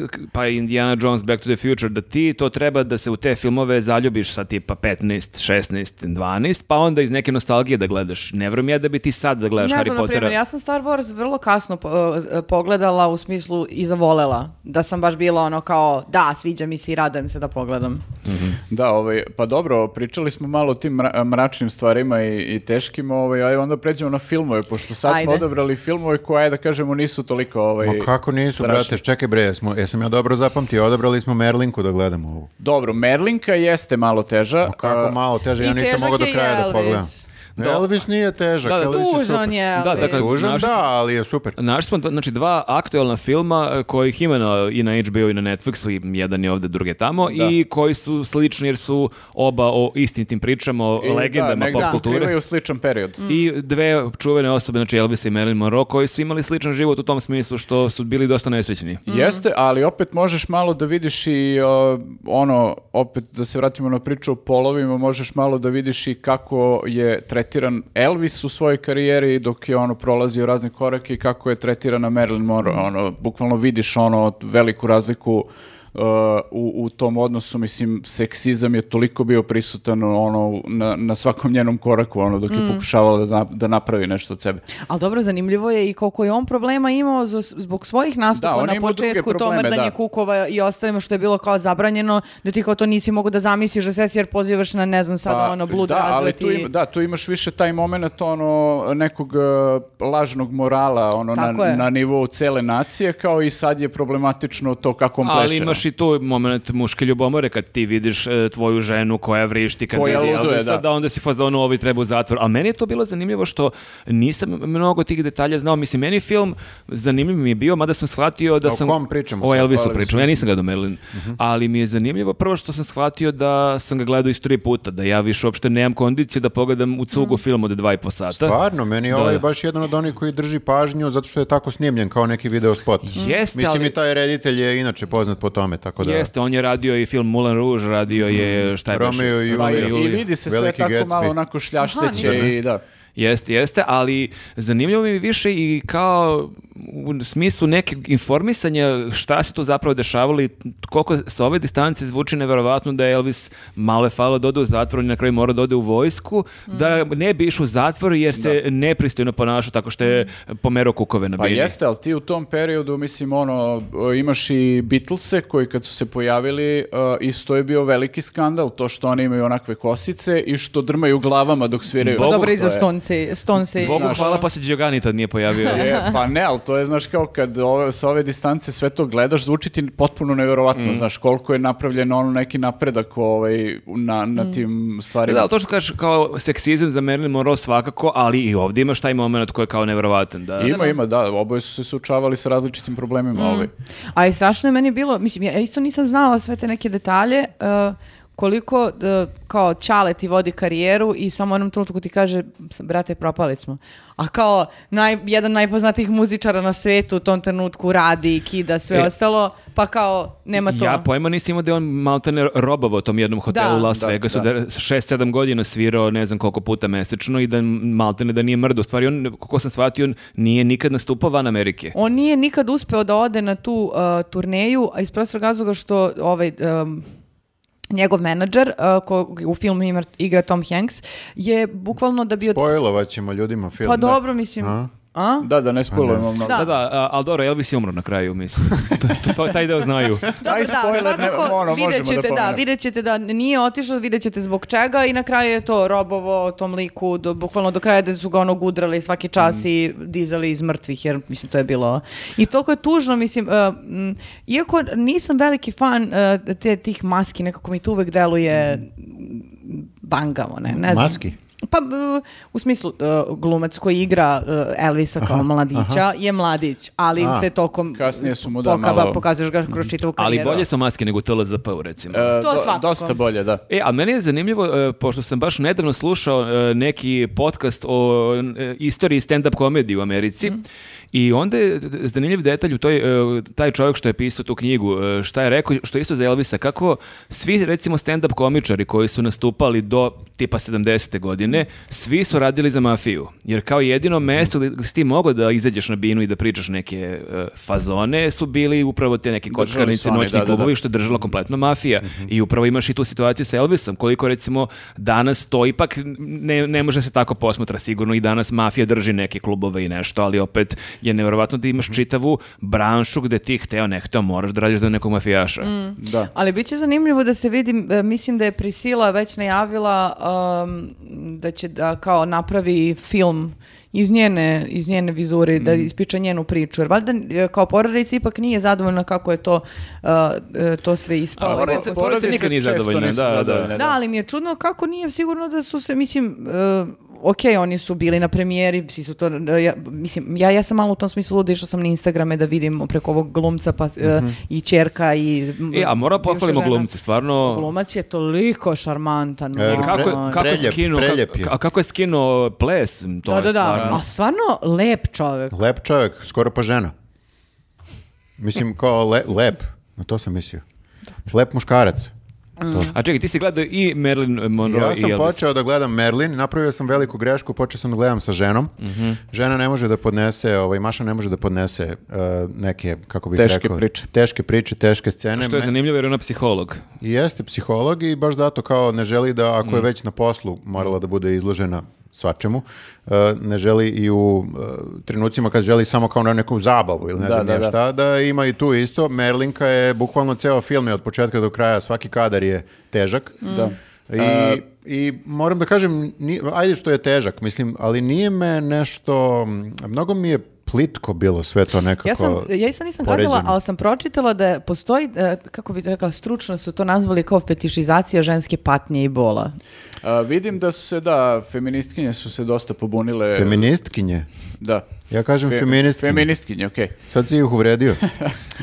Ove... Da, ste sprad na feministkinje. Pa, zvene Beograđane. uh, da, mislim, postoje, napravila se tu frka oko toga, kao baš to što si ti rekla, kao da je ovaj, se nekako ta njena patnja glorifikuje, od toga se pravi proizvod i ne znam šta. Ali nemam, nemam problem s tim, ovaj... u smislu kao... E, Stvarno? Ne, ne, ne, nemam, ne, ne u, u smislu filma, kao, kapiram da mora da kao, ako hoćeš da prikažeš patnju, moraš nekako da je prikažeš, jel? Samo postoje načini uh, kako ćeš da je, A čekaj, da izvini, sad, pošto nisam gledao film, ali i, mhm. i u Elvisu ti vidiš i tekako njegovu patnju, jel, na, na koji da. način se ovde glorifikuje patnja kod Elvisa se ne, ne glorifikuje? Ne znam, znači ja to ne mogu da prepoznam te nijanse, meni je, znaš, imaš to, ovaj, e, pratiš recimo kroz film e, kakav je ona odnos sa majkom imala i koliko je nju majka maltene mrzela i ono kao baš imala užasan odnos majke prema njoj tokom celog života, znaš, gde, gde ti je majka u fazonu, ti si mi uništila život, e, ne znam, napustio me čovjek zbog tebe,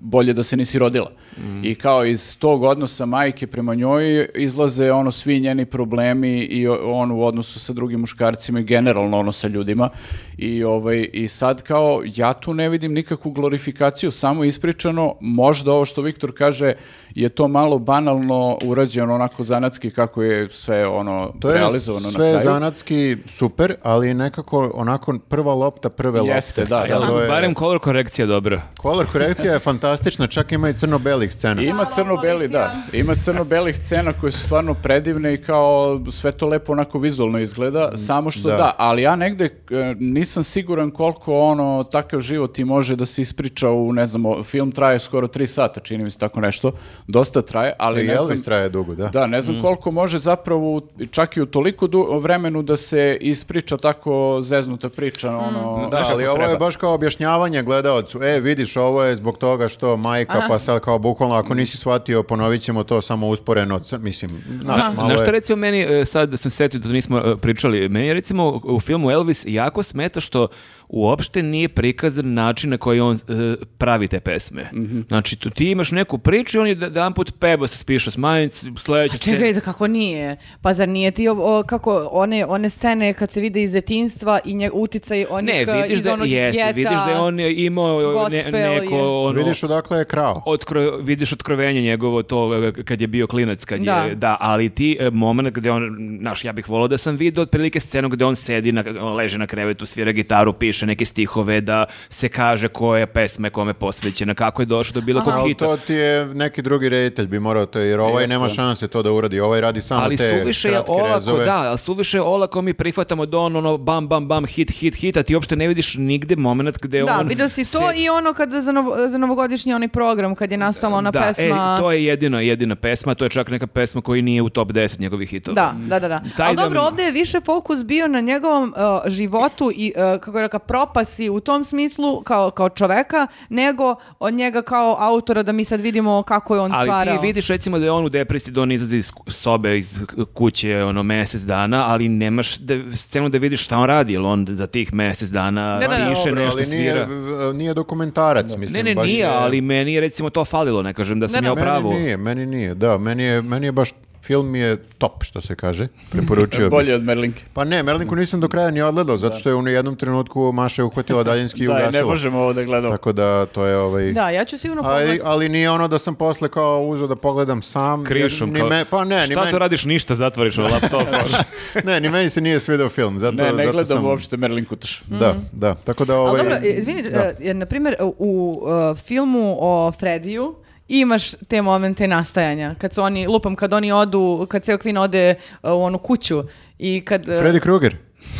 Mercury, bre a, kad, odu, kad odu u kuću i kako e, nastaje e, nisam Bohemian Rhapsody. Priznajem, ali me to da, zanima, da, takve ja stvari. Ja sam recimo sa tim i filmom imao što Viktor ima sa, sa Merlinkom, dosta mi je plitko sve urađeno i baš je onako ovaj, kapiram da ne možeš ti baš u sat vremena ili dva da sabiješ sve što treba, ali ovako, ovo mi je baš bilo onako ispod svakog nivoa. Mislim... Meni je bilo samo zato što se vidi da toliko, da cela ekipa koja je učestvovala u stvaranju filma, a to su ljudi iz benda i prijatelji, porodice, tako da, to vidi se toliko ljubavi ima za Fredija, što neosporno i treba da da, da mhm. bude, ali nekako su i likovi tako građeni da sad ti ne vidiš te sukobe, ni mala koškanja tek na kraju kada dođe do raspada. Mm -hmm. Tako da, da, da, u tom nekako e, u, to, u to, tom jeste nekako prevelika idealizacija uh, glavnog lika. Da. A znaš što mi kod Merlinke isto zasmetalo, mislim barem da do ovde dok, dok sam gledao, uh, ti neki izmišljeni delovi, to je mhm. nešto šta je, san, šta je san, šta su kao, ne znam ko je režirao uopšte, nisam Jeste, ni pogledao. Da, malo šta su, su ubacili tim, iz da. ne znam nijakog razloga, kao da bi pokazali paralelno šta se dešava s nekim drugim ljudima u tom trenutku koji su uopšte možda međusobno nisu ni poznavali, a oni ih predstave kao da su bili par i tako. Svi su, svi su nabacani u, u A jesu, jedne... Pres, jedne... Jesu predstavili njen odnos sa ovim Kennedyjem? Jel se to... Nisam stigao dotle. Aha. Nisam stigao dotle, čitao sam na Wikipediji da ima i toga i da je to isto prenaglašeno preko... Jeste, dan, mislim, nije ni to kao urađeno sad nešto, znaš, e, pretrčano je samo, mm -hmm. kao mhm. i svi ostali delovi ovaj, i opet imaš te neke ono kao, ne znam, nija flashbackove i, i takve stvari, ali nekako... Uh, ne, čini mi se da je ovakve stvari bolje raditi kroz serije. Pa da, da, ti, da ti uzmeš ono, ne znam, i obradiš uh, kroz 10 epizoda njen život, to bi bilo super da bude epizoda po sat vremena, ti tu već imaš ono... Da se posvetiš po... Vremena i prostora da se ono baš posvetiš svakom segmentu i da objasniš sve lepo. Ovako je kao, znaš, neki digest... Uh, neki ovaj... kolaž, ali bukvalno to što kažeš, flashbackovi ko, koji, u kojima je bukvalno nacrtano Jeste, šta, da, šta, da. Ti se, šta joj se dešavalo, kao ne smeš da ne shvatiš da joj se ovo da, pa desilo. Da, pa to je, imaš, to je... imaš prosto ograničeno određeno vreme i moraš da budeš tako banalan ha, pa da bi ljudi shvatili. To da, je recimo, ali ja mislim da ljudi uopšte nisu toliko glupi. Mislim, e, nekako... Ako... Ti jako veruješ u ljude, to sam shvatio inače. Pa verujem, ali mm. znaš kao uzbudljivije kad sam kao gledalac nešto provališ, neki kadar ili nešto vidiš čega je simbolika, nego kad ti nacrtaju. Ali mislim. možda i isto, istovremeno jeste uzbudljivije ako provališ, ali ako ne provališ onda ti je to frustrirajuće, i onda je moguće da to sad imaš to vaganje e, pa onda dokle je, objasniš. A onda je u gledalcu problem. Kao što mi imamo kad radimo s Kesićem isto tu nekad dilemu da li se neka fora razume, da li treba se malo pojasni, to, uvek imamo tu da, dilemu da, koliko treba ono, da, da objasniš ljudima. Mislim, s jedne strane da, ne, ne treba biti ban strane, a, a s druge strane, meni mhm. strašno ide na živce. Posebno se to dešava u pozorištu. Mhm. Kada se deš, dešava neka kao simbolika koju ja kapiram da, da znaju reditelj i glumci na sceni koji su učestvovali u procesu. Mhm. A ovaj u publici, kako ti to skapiraš, užas skapira, ja ne volim da se osjećam kao debil, a stvarno ne mislim da sam glupa za toliko, mislim mm -hmm. da sad ne mogu da, ali ako odeš u tu abstrakciju, sad kao, pa nek svako shvati kako hoće. Pa Pazi, dobro, mislim, ovi, može, ovi su ali... u isto vreme u ovoj Merlinki hteli da odu i u abstrakciju i da ti nacrtaju Srbiju, što ja mislim da Jeste. da je baš e, nekako ču, čudan izbor. Mm. Znaš, kao neka mešavina snova, ne znaš šta je se stvarno desilo, mm. šta sanja, šta je izmišlja, u kojoj si godini skaču. A levo, možda su htjeli da prikažu da je njen ceo život bio tako kao da ona ni sama nije bila svesna šta se tu njoj stvarno dešava. Pa lepo je sve to, samo nekako mm. nije, meni nije. Nisu boli. Ni, da, meni da. nije prijelo. Znači, gledajte Elvisa, nemojte gledati da, Merlin. Da, da. Ako, da. ja, ako imate višak vremena, možete pogledati Merlinku, da, ali Elvis je sigurica. Dobro, jel idemo dalje? Idemo dalje, šta je sledeće u našoj strukturi? Knjige! Knjige. e? šta je to? Eh, Čekaj. da, da, daj. Jel, knjigu stavljamo beše na ovu šaku. Da.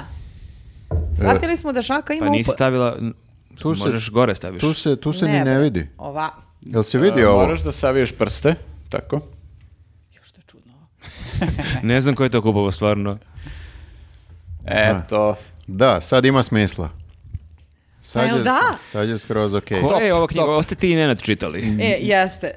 Uh, ne, zoom, zoom, možete zoomira malo da zoom, da se... Zoom, zoom. zoom. E. U pitanju je dnevnik uh, 2020. Uh, zbirka je u stvari... Uh, dnevnika nekoliko različitih autora, Lana Bastašić, e, žena koji, čije prezime ne možemo da ni Nenad i ja skapiramo kako se izgovara, a Luiza Bouha Ra... Raova. Raova, Rumena Bužarovska, Danilo Lučić, Dijana Matković i Nikola Nikolić. I uh, Super je zato što uh, kreću da pišu, dakle od 1. januara kad i dalje uh, mi čujemo za koronu, ali niko ne zna kakav, kakav će haos da se dešava. A znači oni su počeli da pišu dok još nisu znali da tako će da bude. Tako je, tako je. I super je zato što svaka, uh, svaki mesec piše drugi autor, tako da sad imaš mm. dva puta svako od njih da je, da je pisao svoju priču. I meni je bilo cool, ja sam knjigu inače kupila zbog toga što sam i sama mm, u dogovoru sa svojim terapeutkinjama mhm. trebala počnem da pišem dnevnik. Mhm. I nekako mi je super leglo da kao vidim čemu... Kako se piše? Pa da, zato što stvarno nisam... Ono, prepiše ono neko poglavlje, da, evo, da. napisala da, da, sam. Pa ne, nego stvarno, zato, dnevnik sam posljednji put pisala u ono osnovnoj školi kao danas me je pogledao, ali nije mi se javio.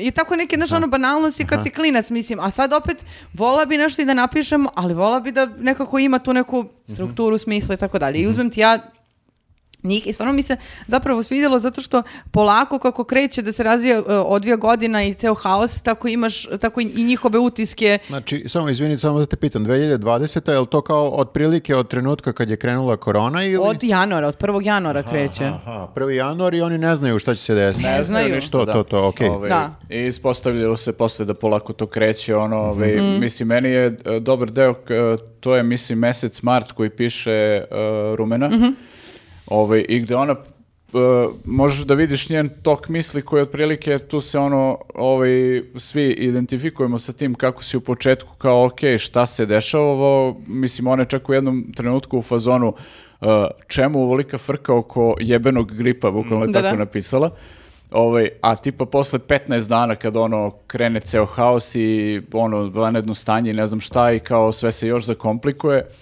ono u fazonu ok, definitivno nije grip. Defi a da, a onda... Kad vidiš šta se dešava zapravo. Da, a onda kao, o, o, čak i pitanje o, zatvaranja, kao, kako ljudi nemaju problem uh, da, da, sa zatvaranjem kao da, sa tim svim merama Tako ograničavaju je, da, da, da. na kretanje koje vidi neko što vidi vidim ja. Problem je meni onako na prvi pogled nisam čitao, ali ako imaš šest autora, je koliko toliko ujednačen, mislim ne ujednačen stil naravno, ali jel, imam velikih odskakanja u pristupu pa, da je neko možda duhovi, da je neko ozbiljan, ima, jel, ima tih ima nekih razlika. Prosto... Automatski ih porediš u pa, da, maltene ali, istom, istom trenutku. Jeste, ali nekako svako, svako piše mesec dana, svaki dan zapisuje po nešto mm. i potpuno je očekivano da sad imaš neke različite, pritom svako je druge zemlje, znači imaš i Hrvatsku i Srbiju i Crnu Goru i Makedoniju Makedoniju uh, i Bosnu. I onda nekako imaš različiti ton, a opet s druge strane zajedničko za sve njih je da, ti, da te uvode u svoj, u svoj dan. Tako da... Da, e, mislim, uh, da. Ja, meni je recimo, ja generalno ne volim nešto pretjerano ono, previše introspekcije u književnosti, mm. to nije nešto što volim da čitam. I onda u tom smislu Lana recimo koja je dosta u tom fazonu, bar u ovom dnevniku, mm. ona piše te neke, mislim nekako mi je to kao, znaš, uh, nerafinisane misli bačene na papir mm. i sad to je tok misli bukvalno svaki put i kao e, to mi ne prija recimo ono mm. ali kad sam došao recimo do Rumene koja je ono kao Uh, pričati bukvalno šta ih se dešava tog dana i ti vidiš neku radnju i vidiš ono, ovaj, ima ona svoje misli naravno o svemu tome, ali je to nekako mnogo drugačije upakovano i posmatra to, ne znam, kroz odlazak na selo. Oni u jednom trenutku odu na selo, pa ne znaju da li će moći da se vrate u Skoplje, pa tu, znaš, imaš neke gomilu dilema, pa nađu, ne znam, komšinu mrtvu mačku tamo u, u selu, pa kao kako da obaveste komšiju, Uh, pa komšija tu ono ima nevni slom kad sazna da mu je umrla mačka i kao oni moraju sad njemu to da objasne šta da. se tu desilo. Ovaj, ima ovaj, e, tih nekih e, situacija kroz koje ti ona zapravo e, servira i, svoje misli, sve ono što treba znači, da Znači ima da više da nekih do, događaja i mm. Da, tako da mhm. tu negde ovaj, imaš te razlike u pristupu, ono vidiš da, da postoji ono neke razlike, ali ništa to nije toliko da ti odskače sad kao da, ne znam, čito si jednog, pa ovog drugog ne možeš da čitaš uopšte, mm. ono, tako da... A meni, na primjer, ta lična, lični moment introspekcija, posebno kod ove Dijane Matković, ona je Sloveniji, gde ona piše o tome, pošto ko ima pauzu i kao kako ću ja sada pišem. I sad taj moment pisac koji se bavi baš pitanjem pisanja. I to mi je nekako bilo zanimljivo. Meni mhm. ta, ta, to lično i nije smetalo, a posebno kod Lane mi se svidjelo u drugom delu um, pošto je tada u Beogradu, šta, jer je uhvatila mesec kad su bile one demonstracije, haos i tako da je nekako te samo vrati mm. uh, u i tim ličnim uh, i tim svojim ličnim te vrati da razmisliš ti kako si se osjećao u tim trenucima i, i šta je tebi bilo ono zanimljivo Meni u svemu tome. Meni zanimljivo što pričate, e, pošto sam e, uhvatio kako ste joj rekli Lana, Rumena, Dijena, baš sam uhvatio na Instagramu je Lana Bastišić pričala u jednom momentu, neko je da, da postavio to pitanje kako je čudno Ma se ne, ne sjećam što, što, koje je tačno bilo njeno objašnjenje, ali kako je zanimljivo da se često muškarci, pisci, po prezimenu ih zoveš, mm -hmm. a da često imaš tendenciju da žene zoveš po imenu. Mhm. Mm pa ne da, znam. Da. To je, da, ne znam. Ovaj, ovog našeg ne znam ćemo zvati po imenu. Našeg po imenu, da, jer on ima vrlo specifično ime, ali mhm. vrlo je zanimljivo to kako, mislim, ne mislim nijed da je to nešto loše, ali mm. činjenica da ja kažem da Lana Rumena, ne kažem ono Bastašić ili čak ni nikad ne znam da li da Bužarovska. Znam sam jedan put kad sam, kad sam Arsenijeviću pisao nešto, neki scenarij za krokodila, sam promašio prezime, jako mi je komplikovano. Mhm. Da. Ali me, meni u startu ovde nisam čitao, meni delo je odbojna ideja da čitam uh, dešavanje iz 2020. godine. Nekako to mi je, toliko e, želim da pobegnem od ja, te godine. Da, ja mogu ti kažem da mi nije prijalo ono kad me, o, ovaj, kad su me neki ono pasusi bukvalno podsjetili na te neke mhm. situacije kroz koje smo prolazili i kroz sve to i stvarno ono e, ovako samo inicijativno se ne podsjećam tog perioda, mm. nego samo eto kad me nešto podsjeti, onda setim kako je nešto bilo i za neke stvari bukvalno ono se iznerviram, znaš, kao, mm. gde sam u fazonu uh, kako su nas ono vozali kao majmune oko raznih stvari, mislim, vezano za, mhm. za stalno te konferencije za štampu, dižu ti tenziju ono gde ne bi trebalo to da rade i tako neke stvari.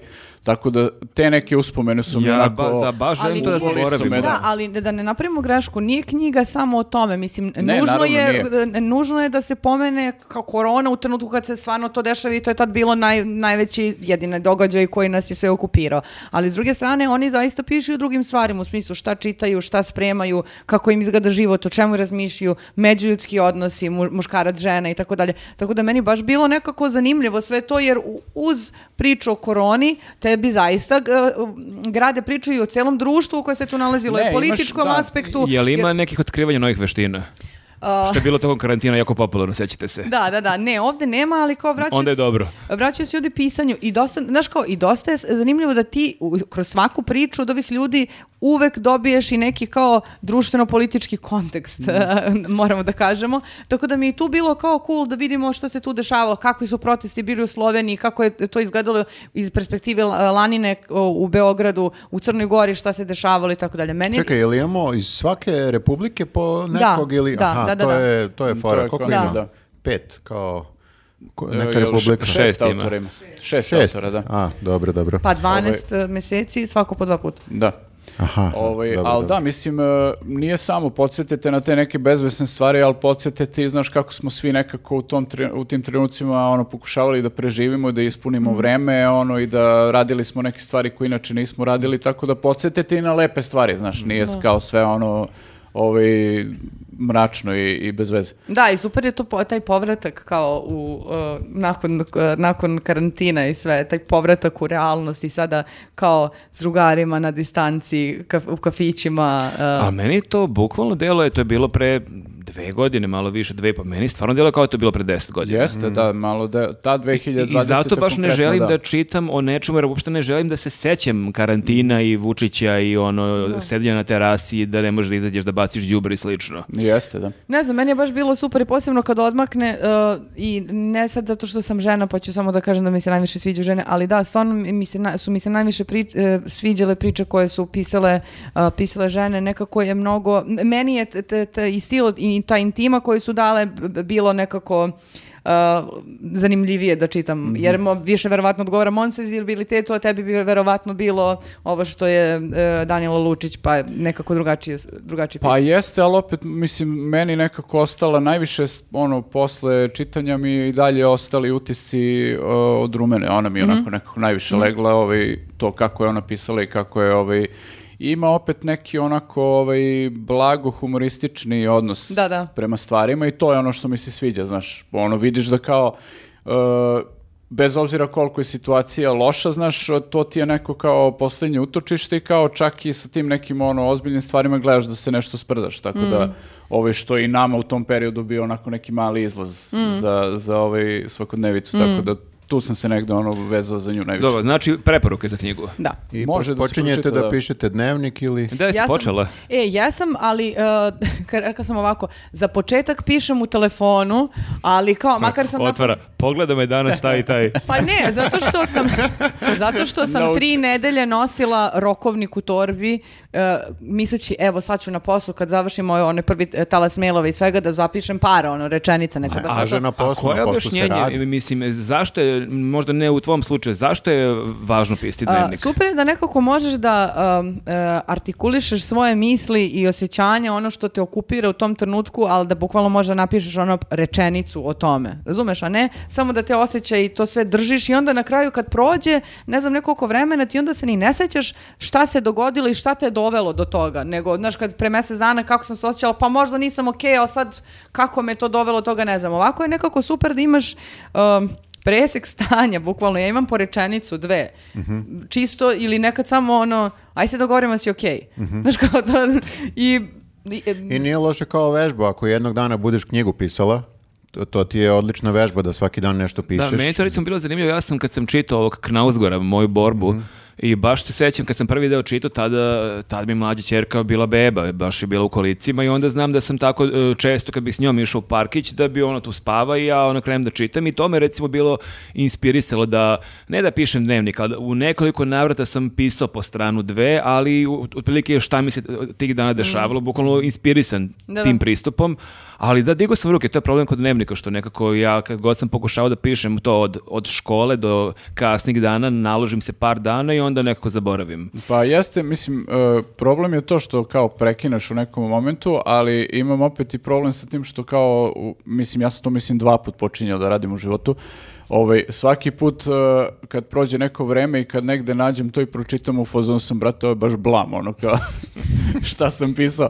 E pa da, da ovaj... ja zato i neko ko sad uh, se trudim da ne pišem uh, E, da ne pišemo o događajima. Mm -hmm. U mhm. smislu, danas se desilo to i to. Nego introspekcija. Ne, e, više na nivou o, osjećanja nekih misli koje me tako okupiraju, jer kao sad svako ima neke teme kojima se bavi ili nešto što bi mhm. želeo da promeni ili neki problem koji bi hteo da reši. I onda na nivou toga misli koje mi prođu kroz glavu kao neka tema tog dana e, koja mi okupira misli, to napišem. A ne da. sad kao, danas smo bili na poslu, snimali smo pa sam uveče... Da, koga zabole za to, nego to da. je samo ovaj nešto što ti je palo na pamet, što je zanimljivo da, što vezano ne znači za da ne bi valjalo da možda malo ga bakar... Strukturiraš? Ne. ne, nego da možda malo proširim, da napišem još nešto, neke zaključke, a jel ti nekako to super pomaže, u stvari to je najbitnija stvar u cijeloj priči, upo, pomaže ti da upoznaš sebe, da nekako saznaš više stvari o sebi. Da, meni djelo je ovo kad sam, to što sam malo pisao, ja sam da pokušavao otprilike da uh, opišem scenu koju sam u tom trenutku i šta se meni dešava u glavi mm. tada, prilike, jer kako to kad guraš da je to kolicima, mnogo imaš vremena za razmišljanje i onda da, zanimljivo je da se vratiš nakon dve, tri godine da vidiš šta ti se vrzmao po glavi, mm. koje, koje su scene bile tada i koje su ti bile neke dileme, ali da, nekako nemam kontinuitet. Mi smo Beši i ti si pisao za Slabonu Evropu i mhm. sedam dana da, neka da, dnevnik da, i to je recimo meni bilo zanimljivo. Pisao kad, sam i ja to, I ti da, si da, pisao, da. Ali, ovaj, to je ne, vas da, dvojica ste ostali, nastavili sad da budete kolumnisti. Mene je pustilo posle nekog. Ne, ne, ali dobro, jedno je kad si kolumnista, drugo je kad pišeš sedam dana svaki dan mm. nešto mm. i to je zanimljivo, ali opet je to negde meni je mnogo bolje kad pišem da imam neki deadline da, i šta god da radim u životu. Jeste. Kad ja znam da moram da do pa ja ti petka kažem zadatak, zadatak, zadatak je keva. Tako da ovo, zato je to i kad bi mi neko dao zadatak napiši, piši dnevnik narednih mesec dana, to ti je zadatak, dobit ćeš honorar i ja onda znam ono šta radim mm -hmm. i mhm. kad radim ovako, to baš... Da, mislim da je suština dnevnika da ovaj, pišeš uh, uh, tako da ovaj, uh, eh, sam mišlju da si jedini ti koji će to da čita. Znači, mm. ne sa mišlju da će to neko drugi da mm. da čita, jer čim počneš da razmišljaš u tom pravcu, onda ne, nisi iskren, kalkulišeš ono šta ćeš da napišeš mm. i slično. Tako to pa da... Super u teoriji, super, da. ali ovako kao kako ćeš mm. to da izvedeš, to je već drugo. E, ali da najsmešnija, cool. najsmešnija stvar koja mislim da je poveznica za sve ljude koji su pisali, jeste što su bili u fazonu, ne znam šta mi je ovo trebalo u životu. Lana koji ih je kao da. sve zvala, ne, ne, samo da sam zaznala sebe, koliko sam ja svojih prijatelja uvukla u ovo. Kako... sam ih ovo, da. šta nam pa, je ali, ovo trebalo, ljudi? Ali to je dobro onda ukoliko si deo ekipe, što onda ne možeš ti da ispališ ako je vas šestoro, onda... Ako... Pa imaš ne, ne, ne. odgovornost imaš prema odgovornost ostalima, prema da. timu. Yes. Već vidim da idemo ka nekom pismenom podcastu. Ili da, da, pišemo da. Možemo mi da pišemo naš pa, dnevnik. to sam teo... News da- dnevnik! O Bože, gospode. Zašto? Okay. Ako se desi neka sledeća epidemija, neka sledeća karantina, da ne opišemo svi. Dobro, ovaj na to šta ste vi čitali. Ajde, daj. E, mi smo čitali, ne, neću da dajem to, ja ću, ja ću držimo onda lista. Znači, Uh, da čitam, ali pa Imamo dve knjige koje su u stvari ista knjiga. Jeste, dakle... Uh, ali nisu to? ista knjiga. Nisu ista knjiga. Dakle, hoćeš da objasniš kakve su knjiga onda? Hoću, objasnit ću. Dejan Tiago Stanković, naš e, proslavljeni, ujedno i portugalski proslavljeni pisac. I prevodilac. I prevodilac i prevarant, ako smem da kažem. E, ja moram znači... kažem da je on prvi prevarant samo kad je reč u imenu, pošto moram ti kažem, ja sam čitao Saramaga koga je on prevodio još pre mnogo mhm. godina, on je bio Dejan Stanković. Aha. Aha I, I odjedan put je on Dejan Tiago. Udo se čovek. Nije, nije. To mu je prezime od žene. Dobro. Ma nije izmislio, nego je shvatio da je Dejan Stanković futbaler i kad googlaš Dejan da, Stanković, da, da. bukvalno je pera perić. Dobro, ja znači, sećam da je on znači, pričao negdje ovaj, to da je tako da dodo Tiago preko žene. Ako sam dobro razumio koncept, ja hoću da ono, počnem da se razlikujem na Google od Neše Galije, treba da se zovem Nenad Gonzalez Mil Milosavljević. Na primjer. Može, može. Može Tiago, ne znam, ono, vidi. Ono, Nenad Tiago. Mora nešto, egzo, mora egzotično nešto da bude, tako da je to prvi prevarant zbog imena, a zašto je drugi prevarant? On je nama poslao ovu knjigu. Mm -hmm. Poslao nam, svima nama, poslao u redakciji, odakle sam bila više nisam, sa potpisom. Jeste, ja čak, a ovo je Viktor, znači ovo nije moje, dobro. Dobro, ovo, sve jedno. Viktoru. Da ovaj, napisanom posvetu i ja kao, ja, baš lepo. I onda gledam naslov e, knjige, odnosno naziv knjige i kao, pa ja sam ovo već čitao, mislim, lepo od njega, ali kao, znam da je stara knjiga, kao i to ima već neko vreme, odakle sam bila, više nisam. Svi ostali ste me zgledali i kao, ma kako stara, kao piše izdanje 2022. Miriši na novo, ja čak se vidio, otvorim, čak se vidio neke bestseller liste, nešto je na prva, dva, tri Neko mjesta. vreme sam mislio da sam ja lud dok, smo, dok sam sedeo ovde i čitam ovo, listam malo i kao vidim, poznato mi je sve, Naslov mi je poznat. Ovo, da. Ja sam već čitao ovo, nemoguće, kao svi me ubeđuju, nije bre nova knjiga.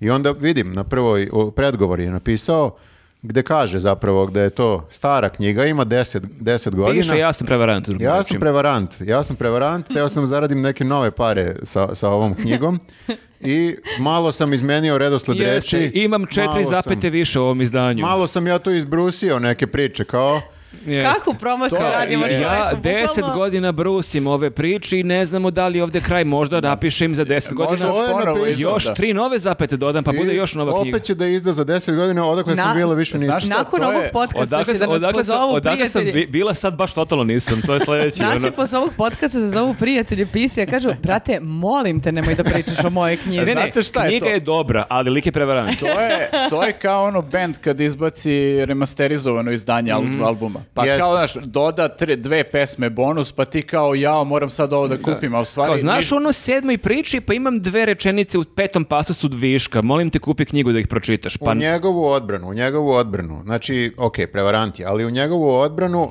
dođem ja kući i pogledam, ovo je mnogo deblja knjiga od ove, i kažem, vidi ga kao stavio je veći font 100%, da bude kao da ispane da je... CSR, istre... Da. ali mislim CSR. da je suzio malo knjigu, a? I da, da, gledam da li je suzio malo margine, ono, da, da bude kao deblja knjiga, međutim ne. Knjiga je duplo, uh, duplo duža, isti je font, uh, uh ima duplo više reči od ove mm prethodne. Aha. Znači, znači dodo je neke priče. Dodo je priče. Dodo je... Pa znači ipak nije prevarant. A, da. nije e, toliki uh, pa, prevarant. Znači to, imaš bonus pesme. Da, da, da, da. Im, e, live, e, ono, live pesma. To, to kao ono. demo numera iz uh, e, 89. Najveća njegova odbrana je što je stvarno dobra knjiga i što je do, dobar pisac. Tako da onaj ko nije čitao ovo... Znači, loš čovek ali dobar pisac. A o čemu su priče? Su priče povezane ili su jesu, kao... Jesu, jesu. Priče su, priče su povezane. Ali su jako... Pa, povezane su u samo činjenicom da se manje više, u stvari sve se dešavaju u Portugalu, da, to je jedina u, veza. uglavnom u Lisabonu i pomalo. A to su likovi drugi. koji se međusobno ne poznaju. To ma, su likovi koji, koje on poznaje sve. Ma čak nije ni to, ja ne znam sad da li ste čito pažljivo, znači... Jesam, jesam. Čak su to i epohe drugačije, zato što počinje tipa e, priča iz 16. veka. Da, da, Aha. da. I ja sam mislio, pošto prva priča o ovom portugalskom kralju Don Manuelu, recimo, da se tako zove, krenula je priča o dešavanju iz 16. veka, sledeća priča i nastavak e, takođe iz 16. veka. Ja sam mislio da to da hronološki ide onako da će kako knjiga odmiče doći do 20. 21. veka, ali ne, zapravo jedina veza je ta što je ono vezivno tkivo je Portugal i njegova oda praktično Portugalu, Lisabonu, on On baš voli Portugal. O, zašto ga ne bi voli? Volao? Pa uzemi uzemi prezime portugalsko da. ili ime. Tako da ovaj ja sam nekako čitaš to i onda gledaš sa kakvim likovima likovima, e, šta, koji likovi njega fasciniraju, ko, koji likovi su mu prijatelji, verovatno je, mislim, pretpostavljam da svi ovi likovi, osim ako nije totalni prevarant, postoje stvarno i da su njegovi prijatelji Aha. u pravom životu. Osim Don Manuela koji žive u 16. veku. Dobro, da, mislim na ove u sadašnjosti, jel? Da, možda je njegov predak Don Tiago znao. Jeste, ali super, ima super neka priča kako su uh, uh nabavili nosoroga za Don Manuela u 16. veku i to je bio jedini da. nosorog otprilike u Evropi koji je donet ono, ne znam, iz Indije i kakva je to bila atrakcija, kako je kralj bio oduševljen, on imao silne neke živote ты не i kao dolazi nosorog, kao nikoga nikad nije vidio u životu i on je bio oduševljen kako on deluje uh, fenomenalno, ali ga je jako smorio nosorog, jer kao realno je dosadan, dosadna da, životinja. on je samo na prvi utisak pa, je Pa kao da. dete dobiješ novu igračku i kao wow, super ti, ali već utrada nova igračka je dosadna, kao ovi Viktorov selotip. Ali i onda, su, i onda su organizovali da bi... Pocepajmo. Onda su organizovali uh, borbu uh, slon protiv nosoroga da naprave kao spektakl za stanovnike Lisabona. Tako da ima ta vrlo zanimljiva recimo Međutim, priča... Međutim, slon i nosorog se nisu baš nešto pofajtali. Nisu, slon je pobegao, slomio je tu neku ogradu i krenuo da mhm. beži ulicama i onda su tog nosoroga poslali papi, otprilike hteli su da fasciniraju papu i kao ajde ovo, ajde ovo smor igračku vali papi. Kad, kakav, da, ono, kakav način da uvališ nekome nešto što Ali ti ne je bio da. brodolom i nosorog nikad nije došao do pape, nego se udavio Aha, negde. A, pa dobro, šta? Ili je pobegao. Da, šta? Ili je pobegao i sad je na Siciliji. E, tako da, e, ali ima, recimo imaš te neke... E, Voziš voziš me ko budalu, znači. Ali Dejan Tiago te vozi ko budalu i ti čitaš o Nosorogu iz 16. veka i kao sledeće, tri poglavlja kasnije, evo, on je tu sa svojim ali, Ali sa isto podjednako zanimljivom anegdotom. To su zanimljive sve anegdote, nebitno da li je 16. vek ili je 20. vek. Mm Znači, to je samo je bitno da je sve nešto zanimljivo. Da li je nešto iz istorije što se desilo nekom drugom ili što se des, dešava njemu sada. To su sve neke pričice, anegdote, bukvalno u prolazu ako čuje od nekog čoveka nešto zanimljivo, znači, on je tu, e, tu stavio. Dnevno dnevnik samo zanimljiv. E, a, e, da, zanimljivo je, ali znaš što je zanimljivo? Recimo, Mi e, treba da e, e, branimo našu knjigu. Pa nije ovo duel odbrana knjiga, mislim. Pa ne, pa vidiš da. kako je stao na vašu, ne. ne, ali zanimljivo je, recimo, nisam nikad bio u Portugalu, baš, baš bih želeo da odem, kako piše o nekim detaljima, na više mesta priča o tome kako je nebo u Lisabonu, neke teget boje kakve nigde nema, a recimo meni je zanimljivo kako piše o tome kako Portugalci Eh, neko svi su eh, malo ko štrči. I svi imaju neko ustaljeno ponašanje i onda pogotovo na prijemima, ali i van prijema i onda to objašnjava kako je tamo 300 godina bila inkvizicija i kako svako ko je štrčao na bilo koji način je ćao i da su oni ostali prilike na tom nivou da kad pričaju da ne otvaraju previše usta, da imaju taj neki eh, dodik fazon. Znači, Što da mene uvek čudi, znajući uh, Dejana Tijaga, uh, kako on ne štrči tamo. Znači on se kao uklopio on tamo. On je baš egzotičan onda tamo. On, je, on štrči i ovde. Mm Mm -hmm. Znači on ovde kad dođeš trči, ja sam mislio, kaže čovjek uklopio se u Portugalu, mislio sam u Portugalu su malo tako ekscentrični likovi i tako to. Ne, brate, on kaže u Portugalu su svi još, svi su, svi su još manje nego mi su da, e, štrčeći, ja. tako da ja ne znam gde se on... Ali uklopio, ima i da. super da. neke priče baš njegove, ono kako je on radio kao prevodilac e, i kako je on prevodio nekim našim delegacijama i to je slučajno U otprilike ispostavilo se da postoji jedan lik koji tamo živi,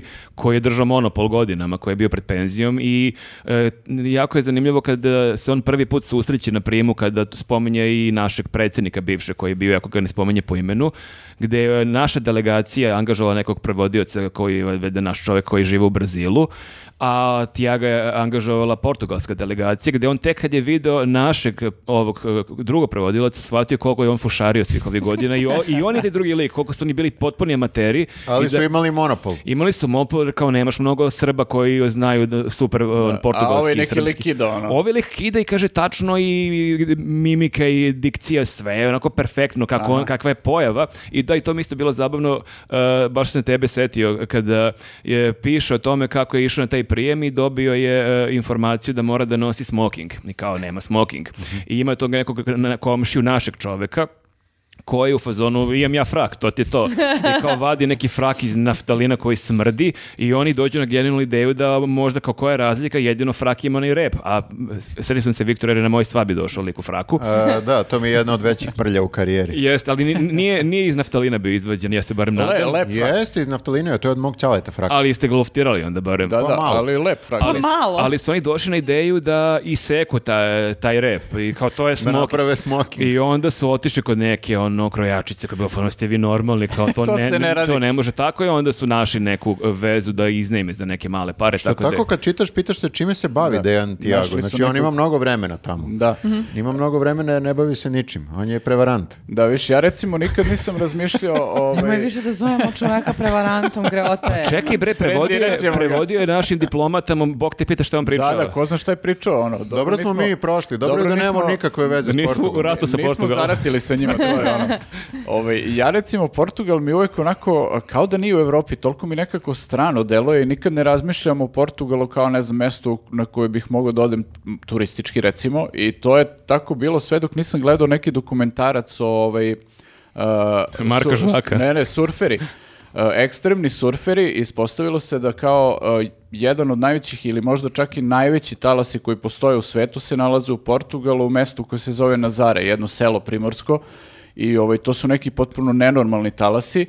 A dokumentarac je o tom nekom ono ekstremnom surferu koji se zove McNamara, Amerikanac je, koji je od, otkrili su te talase tamo i kao proučili su zašto su ti talasi ogromni, postoje neke ploče ispod koje se spajaju baš tu i potpuno neko ludilo. To je na jugu, jugu Portugala. Da, da, i ovaj, mislim, to je ono Atlantski okean, ako se ne varam, i potpuno je ludilo i uh, zapravo mi je zabavno koliko su oni napravili priču od tog mesta, ono, na kraju Nazare sad, e, bukvalno, ono, ceo svet zna o njima, izveštavali su svi kad je bilo to baranje rekorda na tim talasima i to, i onda su tim dokumentarcima pričali malo više i o Portugalu i to i zapravo je kao, ono, potpuno zanimljiva zemlja, ono. Mm. Jest, ja jest, ti si bio u Portugalu. Ja sam bio, bio sam u Portugalu bio sam u Lisabonu i bio sam dole na jugu. Nisam bio u tom mestu, ali ja pretpostavljam da je na jugu i to mesto gde su talasi, ali jeste jug je sur, surferski. Mm -hmm. uh, pa Jesi surfao?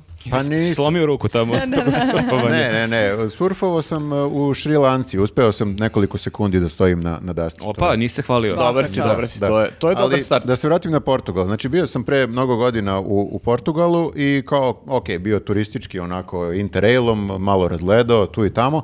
I sad kao dođemo mi na ideju, e, žene i ja, da idemo ponovo u, u Portugal, kao u fazonu, ne ponovo, nego ona je bila nekad davno, ja sam bio nekad davno i sad kao da idemo zajedno jednom. I uh, koga da pitamo kao gde da idemo? Dejan Tiago. Dejan Tiago sigurno zna nešto da nam preporuči gde da idemo Majko nešto. Majko sveta, što... dobili ste nisi... memoare, verovatno. Da Nismo dobili da. memoare, znači mi smo, konkretno smo mu rekli, molim te kao daj nam neke preporuke, ovaj Lisabon i oko Lisabona da uzemo neki renta kar, pa malo da idemo gore, dole, jug, sever i šta ti ja znam.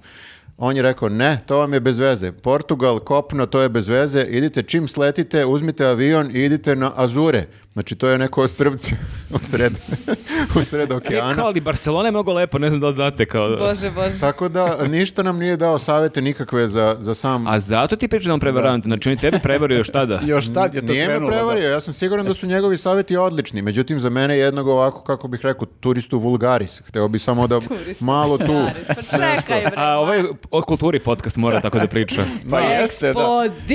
je Ma, dako, ma daj, nećeš kao neku sad, ne znam kakvu egzotiku brate, ne, daj kaži. Daj, mi... kao, daj mi najbolji fado. Daj, da. ne, daj mi, daj mi najbolji mogu, fado. Gde mogu, mi... da vidim, gde mogu da vidim Marizu? Gde ima najbolji fado da se pojede? To mi daj.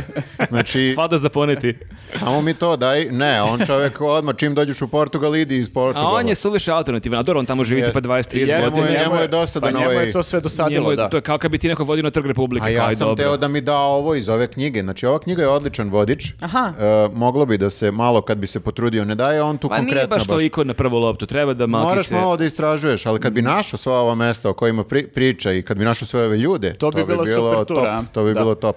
Da, da, e, ali zanimljivo ima jedna jako lepa priča, baš jako vrlo emotivna, baš onako e, me dotakla, e, razlikuje se malo od ovih ostalih, jer uglavnom su priče onako e, vrlo pitke i ono što mi se dopada što Mislim mu... da znam na koju misliš. Da. Plako sam i ja i žena je plakala i Oni sve. Oni na aerodromu. Ne. A je, nije, Ajde, ti si plakao drugu. drugu. Ne, ne, meni je, e, hoću da kažem da e, mnogo... Plako si. Plako, za, zaplako, E, zasuzio. mene je ovo baš onako potresana priča, jako je lepa, počinje tako što neki njegov drugar Srbin e, ga zamoli da ga odveze na aerodrom. On se vraća u Srbiju, on kao važi, odvešću te i u kolima shvati da je tu neka njegova prijateljica koju on negde ranije upoznao preko tog čoveka, ali u kolima shvati da ona nije samo prijateljica. I oni se rastaju faktički na tom aerodromu i taj čovek žive tu, ne znam, godinu, dve dana i on onda je opisao kako je njemu neprijetno što kao on treba da prisustvuje rastanku dva ljudi koji raskidaju, a otprilike ne, potpuno je tu mhm. višak i onda se, on tu odlazi, on otprilike vidi se da ga nikad ne bi pustila, ali on to preseči i odlazi, a on je tu neprijatno gleda onako iz prikrajka i onda se vraća kolima nju vozi, da, imate jedan dobar deo kad kaže kako na aerodromu piše odlasci, a bilo bi možda bolje da piše rastanci, ali ima onda taj deo kada on... Nisam znao da je to pa Ne, nisam plakao, ali mi baš, baš me pogodila priča, ali mi je jako dobar, jako mi je, jako mi je dobar deo na kraju kada oni u kolima pričaju, mali ispostavi se da on ima dete, da ona samohrana majka i da taj njen sin ima dve, tri godine, da taj sin jako zavola tog čovjeka mm. i da onda ona imaš taj drugi problem da treba i svom sinu da objasni da ovaj čovek je otišao iz njihovih života za zauvek i onda mu kaže kako nju doveze do kući i kaže aj kao pozvala bi te gore, ali stan mi je u haosu i on kao ma dobro plik i on jeva čeka da ode i onda mu kaže znaš, kad sam ti rekla da mi stan u haosu, lagala sam, duša mi u haosu. Mm. I to mi se i mm. toliko dopala ta rečenica. Duša mi u haosu. Mhm. Da, tako da, eto, me je to pogodilo. Šta Dobre, je te pogodilo? Rasplakat će si, ali savjet. Da. Ova, ima jedna priča, ali ne mogu sad celu da je, da je prepričam, pošto sam je čitao davno u originalnoj knjizi. Mhm. Znači, ima je i u novoj. Sad ima happy end, da, sad ne, je doradio. ima, ima i u novoj knjizi, sve sve ja, ja mislim da je isto, pošto ne moram da kažem, malo sam varao, nisam čitao iste priče koje sam čitao Čekal, da pre. Čekaj, da stajemo bolje ovu knjigu da ljudi vizualiziraju analiza, pošto Ajde. je sad e, sveže izdanje. Da, da, da. da. Eto. Tutnju ruku. E, e, nisam čitao da vidim koje zareze je sve promenio, zato što mene je, mislim, moram kažem, ta priča od, od ranije me je toliko pukla i baš sam onako zasuzio, muška suza najteža i, e, i, ovaj, i žena isto je plakala kad, kad, kad sam ja čitao. Ja inače čitam svojoj ženi, to je isto, ovaj, moram da kažem. Predivno. Eh, pa ne znam da li je predivno. kako nije? Pa dobro, predivno je, ali malo je naporno. A jel uspevaš ti da se udubiš u sadržinu dok čitaš da, na glas? Da, da, da. Ja primetio sam da mi mnogo bolje ide da se udubim kada čitam eh, na glas, mm -hmm. nego, nego ovaj, mm. kada čitam A, ovako. ona traži ili, ili ti ideš za njom i čitaš joj ono. da, da ona, kao, idem u WC, ostavim na miru. Onda su došli u stan. Ma nije eh, Ona, ona traži, ona traži i uh, uglavnom, priča se zove, ja mislim, jedno pivo po pola. Mm kada on dolazi i upoznaje nekog dedu koji sedi gore na Vidikovcu. Ne znam da li si e, pročito i tu. A, što je mu je sin da. u vojsci nešto da. bio, da, da. Nije ti ta pukla, a? a lepa mi, ali evo sad ne, ne mogu da setim tačno šta se dešava na kraju. Da, pa taj... na, kra na kraju se dešava Otprili, neću da spojlujem. Pa, dobro, pa priče... nemojte, mnogo ste vi otkrili tu, Nenad da i ja smo baš ali, samo radili sneak peek. Ali dobro, ima gomila drugih priča mm -hmm. koje ono, neće, neće spojlovati tako. Jeste, da uglavnom da ovaj, nakon što smo oboje pročitali tu priču, odnosno ja sam pročitao i isplakali, i onda sam e, mu napisao poruku kao u fazonu da ga psujem zašto je napisao tu mm. priču, zašto nas tera da, da plačemo. Tako da i tad mi je, vidiš, tad mi je nešto odgovorio u fazonu biće, pri, biće još priča ili tako nešto i onda nisam, ali nisam mogao da zamislim. Da, da, je da će toliki prevaran da se tu istu priču. Da će pravo da mi uvali istu priču. Da, užasan da, lik. sam lik. Da, ja moram da priznam da je e, moj problem generalno sa uh, pričama taj što uh, ono više volim čitam romane i mm -hmm. imam taj problem sa pričama i, i redko kad ih čitam, stvarno. Ja ono, možda nakon 20-30 romana pročitam jednu zbirku mm. priča, jer imam taj problem kao kad čuješ ono 10 viceva pa zapamtiš jedan. Mm. Ja kad pročitam ono knjigu koja ima, ne znam, 25 priča, ja bukvalno se dve, tri sećam, a ovo ostalo sve tako ih zaboravim. I mm. onda mi, sad kad mi kažeš ta priča, sećam se da mi se jako dopala, ali uopšte sa u trenutku se ne sećam šta se na kraju tu dešava. A meni, na primjer, baš e, suprotno. Ja sam uh, kratke priče zavoljela uz Rumenu Bužarovsku prvo kad sam pročitala zbirku Moj muž, a posle ima i osmica i nikuda ne idem. To je jedna pre, jedna, jedna kasnije. I jako mi se svidelo zato što imaš zajedničku nit za sve, za sve u smislu da se radi o ženama u određenom, e, u određenim okolnostima. Naravno da je kritika patrijarhalnog društva i svih stranja koje, zbog kojih te žene pate,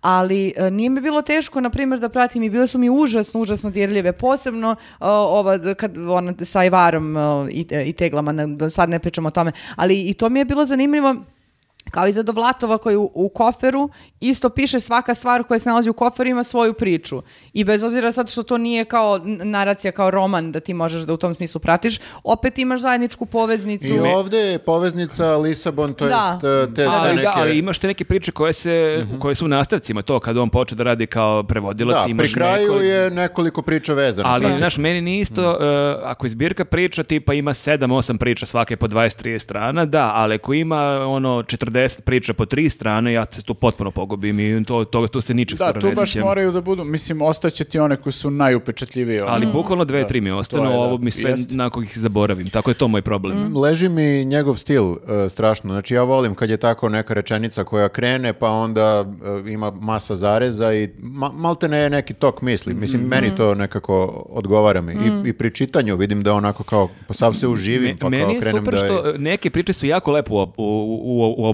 isključene, a imaš neke priče koje su bukvalno neka onako insert iz života, neka scena koja tako mhm. krene mm -hmm. i neka se završi, ima taj nekoliko priča odnos njegov sa e, nekom devojčicom iz komšiluka, neka ćerkica koja ima tu 3-4 godine od njegovih komšija, koja je tako 3-4 priče, ona tako dođe kod njega, nešto pričaju, nešto ćaskaju, ona i to dete, zezi se, golicaju se i kao prilike nema nikakvu, nikakav početak, nikakav kraj, mm -hmm. samo neki lepo onako insert e, i to mi se takođe da, da dopalo da, da. što ne mora svaka da bude potpuno okvirena. Pa do, mislim Mislim, meni to liči na ono, često imaš i takve filmove koje izgledaju kao da si se u jednom trenutku uključio u živote nekih ljudi mm. i pratio život tih ljudi, ono, ti, ta, ta dva sata i posle toga samo ono, kao se završi negde random mm. i kao ti si prvo u fazonu šta je sad ovo bilo, na što sam potrošio vreme, ali zapravo kad to malo onako slegne i kad skontaš neke stvari, ispadnu super mm. filmovi, ono, tako da... U svakom slučaju, dobar je taj pristup, vi preporučujete kažem. dnevnik, da. mi preporučujemo odakle sam bila, više nisam. I jedva čekamo da dorade još za 10 godina te mhm. priče. Da, ne, ali moramo da kažemo, stvarno, iteracija, ono. duplo je deblja knjiga nego ova prethodna. Ja mislim da je stvari u tome što uh, on je odnedavno je u Laguni i da mnogi ljudi i nisu naši to prvo izdanje i da je i to sad mnogim ljudima ovo, ja sam baš, uh, kad sam okačio na Instagram, pisali su mi neki ljudi koji njega čitaju da nisu znali za tu knjigu, tako da je to da. isto dobra prilika. Ne, znači da, ima smisla, da. Pa ima smisla, ima Dobre. smisla, tako Dobre, da evo, eh, preporučujemo tu knjigu, a mi smo čitali ovu knjigu, Viktore, mada smo i ti ja ovo čitali pre izvesnog vremena, pa mm -hmm. se mhm. ne sjećamo svih detalja. I o tome ćemo da pričamo. Ja Ajde, da čujemo. Ti si skoro, ti si ja sam skoro skorije čitao. čitao, da, da, da. Da, da isto sam je pročitao naglas. Čekaj, si ti zaboravio da čitaš u sebi? Pa, jako mi teško ide sad kad krenem, ali generalno mi je teško išlo da, da čitam u sebi zato što mi je pažnja potpuno uništena od strane svih ovih Instagrama i ovih gluposti. Znaš. Mm. Stavi ovako pa ću da fiksam. E, poznat je pisac, e, šveđanin Fredrik e, Bakman, poznat je najviše po čovjek zvani Uve. Da, i sad je, postoji švedska verzija tog filma, a sad vidim trailer da i američka verzija postoji sa Tom Hanksom. Ja moram mm. da mhm. kažem, nisam, nisam čitao čovjek zvani mhm. Uve, čitao sam samo uznemirene ljude i sad trenutno čitam ovu drugu njegovu Moja baka vam se izvinjava. Ova ima naznaka kad je pročitaš da bude jedan baš dobar film. Mm Ne znam da li, se, da li se i ti slažeš. Mislim, neke stvari ne mogu da se prenesu jer on zaista ima taj specifičan smisao za humor uh, koji ne znam kako se preslikava na film. Ali uh, e, kak, kako nas je izvozao, kad kažem nas, mene i Mašu, Uh, Ono i meni izvozao strašno. I tebe je znači, izvozao, sigurno. Ja opet moram da kažem, ja sam Kažete čitao... Kažete zašto vas je izvozao? Izvozao nas je zato što ima taj, e, voli to da radi, voli da vara čitaoce. Znači, krene u jednu... A, navedeći znači, na I, I on je da, da, da. prevarant da. na neki način. Vrlo veliki prevarant. Znači, krene u jednu stranu i ti sasvim onako naivno misliš da sad je taj lik takav. I onda dinge. I onda dinge. S druge strane, potpuno neočekivano nešto, obrće se sve za, mm. što bi rekla ona neka starleta, 360 stepeni, ali ne 360, nego 180, kako je pravilno. Ovaj, tako da, e, ja volim kad me tako izvozaju. Eto, to je ovaj... Meni je, recimo, ja sam čitao čovjek po imenu Uve i to sam, e, u startu sam znao da je to neka lako lagana, zabavna knjiga i ja sam ju čitao na plaži pre nekoliko godina i onda sam e, kupio ovu knjigu kad sam e, leteo za Barceloni, kao ja ću to da čitam u avionu. I mislim da je to problem što ljudi e, njega doživljavaju kao nekog vrlo laganog pisca koji te to malo zabavi mm -hmm. i mhm. možda ga čitaš s pola mozga, što s jedne strane jeste tačno, mhm. vrlo je ono zabavan i duhovit da, i, i mene malo posjeći na Douglas Adams ima taj neki mhm. vrlo zanimljiv humor, ali ova knjiga je toliko zapravo ozbiljna i ti kroz taj humor i tu neku zebanciju toliko imaš fenomenalne likove, a da ukratko o čemu se radi, počinje knjiga tako što je Uh, neka osoba pljačka banku i mm -hmm. ništa ne uradi kako treba i beži od policije i upadne u stan, a u tom stanu u tom trenutku agent za nekretnine pokazuje nekolicini ljudi koji su zainteresovani da kupe stan. I tu se stvara talačka kriza. Mm -hmm i uh, onda zapravo vidiš razne likove koji su tu došli da kupe taj stan i njihove odnose i policija u startu uh, počinje, kasni policija nestoje taj uh, e, ne, lopov i onda policija njih ispituje jednog po jednog i pokušava da njihove priče ono da nađe neku vezu jer shvataju da oni njega štite. Mm. I onda pokušavaju da otkriju koga štiti, zbog čega ga štiti. I onda mi otkrivamo njihove živote i, i policajce koji ih ispituje, njegovog oca koji je također policajac i njihov odnos i odnose svih tih ljudi. Mm. Ukratko, mislim, čisto da kažem u čemu je. Da, da, da, da. da. Dobro, dobro zvuči. E, zvuči jako Ove... Ovaj- dobro, jako izbudljiva, i, ali kažem, nije samo, nije samo knjiga se čita na plaži, stvarno mhm. onako vrlo je Moraš zanimljivo kakvi da. su likovi od mladih, nekih starijih, njihovi odnosi, stvarno svakamu čast. Pritom, moram da kažem, ja sam, dok sam čitao knjigu, nekako sam imao utisak da je to jedan vrlo iskusan pisac, da je to čovjek od 50-60 godina. I ja sam se mhm. onda jako smorio kad sam shvatio da je on 81. godište. I da je on da, imao, mlađi od nas. On je mlađi od nas i on je imao tipa 35-6 godina kad je ovo da, pisao. Da, sam se ja Talentovan neki da. čovjek. Godinu dana Talentovan jer toliko dobro pisuje neki recimo stari brači par e, e, baku i deku u penziji koji imaju neku obsesiju da kupuju nekretnine da ih preprodaju i njihov čitav odnos. On je to tako dobro pisao da stvarno misliš da on ima 60 10 godina mm. i onda kao ne, lik u 30 godinama to napisao. Da. Izgleda da dosta čita.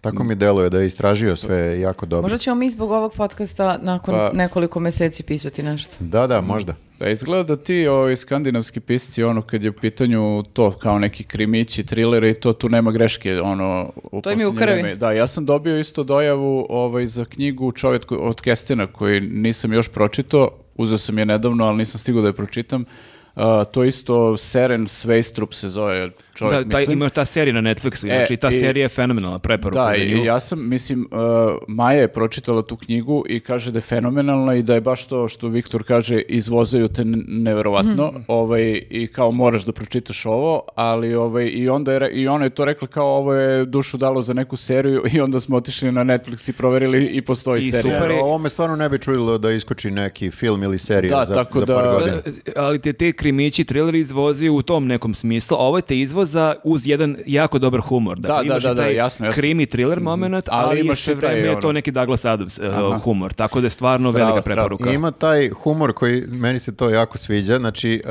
sprda se na račun pod jedan političke korektnosti, ali se sprda i na račun ljudi koji mrze političku korektnost. Znači mm. sve je nekako mm. uspeo da, aha, da, da uvredi uhvati, i, da, i, da, i da se sprda sa svim. Što mi, I meni je isto to kao, mnogo je lako sprdati se na račun kao političke korektnosti, kao sve je sad politički korektno, bla, bla, bla. Ali da napraviš ceo krug i da onda i te ljude koji aha. se sprdaju na račun toga i da njih uspeš da uvrediš, to, je, to mi se posebno sviđa. E pa dobro, morat ćemo mi da pročitamo. Morate, morate, da. stvarno velika preporuka za ovo i možemo da idemo na neki sledeći segment. Da. Muzika, je li? Muzika. Music. Morali smo malo da napravimo pauzu da uzmemo vodu. Vidite da imamo sad neke stvari da, koje imamo nismo vodu, imali malo moramo pre. Da Primetit će ljudi. Da, ja nisam ništa novo uzeo, ja sam Ti bukvalno. Se mako, ja se nisam pomerio. Ja sam profesionalac, ja kad sedem ja ne ne ne mrdim. Ne Kod mene je isto kontinuitet skroz neprekinut. I selotip je isto debeo kao što je bio. Mm. Uh, Nenade, ti si naš muzički urednik. Guru. he, he, he. Pa ti si taj koji pušta muziku ovde dok radimo, tako da... Da, i moram da kažem pa, da, uglavnom, da, kakvu muziku slušaš, dosta normalnu muziku sluš, puštaš u redakciji. Pa dobro, nisam ja ono u fazonu to kao da nekom sad forsiram nešto i da namećem, znaš, ono, to je prosto... Sem kada čovek sedi u automobilu i ne može da izađe iz njega, a potegne se tema sa Galebom na putu do Niša, dakle dva sata, dva i po sata, e. a, gde pričaju o metalu, slađu, um, um, um, um post metalu um, post metalu, me, me, magic, me, me, magic metal i ima neki... Magic, uh, magic metal. Uh, bas ili bass. Kako se zove? Ruski... Uh, ne, ali pomenuli smo u nekom kontekstu... Kako se zove? Ruski bass? Uh, uh, hard bass. Hard bass. Ali hard bass nije... Nema, to je drum and bass. Ne, to hard bass nema veze sa metalom. To je jedan fenomen koji se pojavio u jednom trenutku kad samo imaš onako... Dum, dum, dum, to, to nije ni muzika, tu je ples bitan. To je samo, da, i samo skaču ko budale, ono, mm -hmm, minuti, to je to. Tako da znači, vodite računa. Bileti uz uzbudljiva vožnja do Niša. Apsolutno. Tako da Nenad onako neće da te optereće, on te priprema, čeka on godinama. I onda kada nemaš izlaza, Ne, spazi. Mislim, Onda ga nagazi uh, burazer ne, i ne, dva sata samo je, problem je što si ti bila u kolima gde smo bili Galeb i ja i nisi mogla da izađeš, a mi smo pričali našu Nenad je prvi put u životu priču. našao srodnu dušu s kojom može priča o tim nekim, o tim nekim bolesnim žarovima koje Majko sluša. Sveta, da, da. Majko a i Galeb je čekao celog života neko kao što je Nenad i onda se tu, tu eksplodirao. Jeste, pa svemir. Hoćeš ići u podcast kod njega. Nažalost smo ovaj, uh, saputnike malo ubili u pojam, ali dobro. Meni je super što si ti doneo doneo nekoliko diskova, ja kako sam bacio pogled, mada nismo sve stavili, ja nisam čuo ni za jedan bend osim Pantere. I Dobro, Tool je gore. Ja sam, A to je da- Tool, ok, da, onda iza njih tool, znam. Da, ne, ovo ja drugo što sam donao, to sam gledao više onako neke koji izgledaju vizualno lepo diskovi, mm. da mhm. se lepo slikaju na kameri.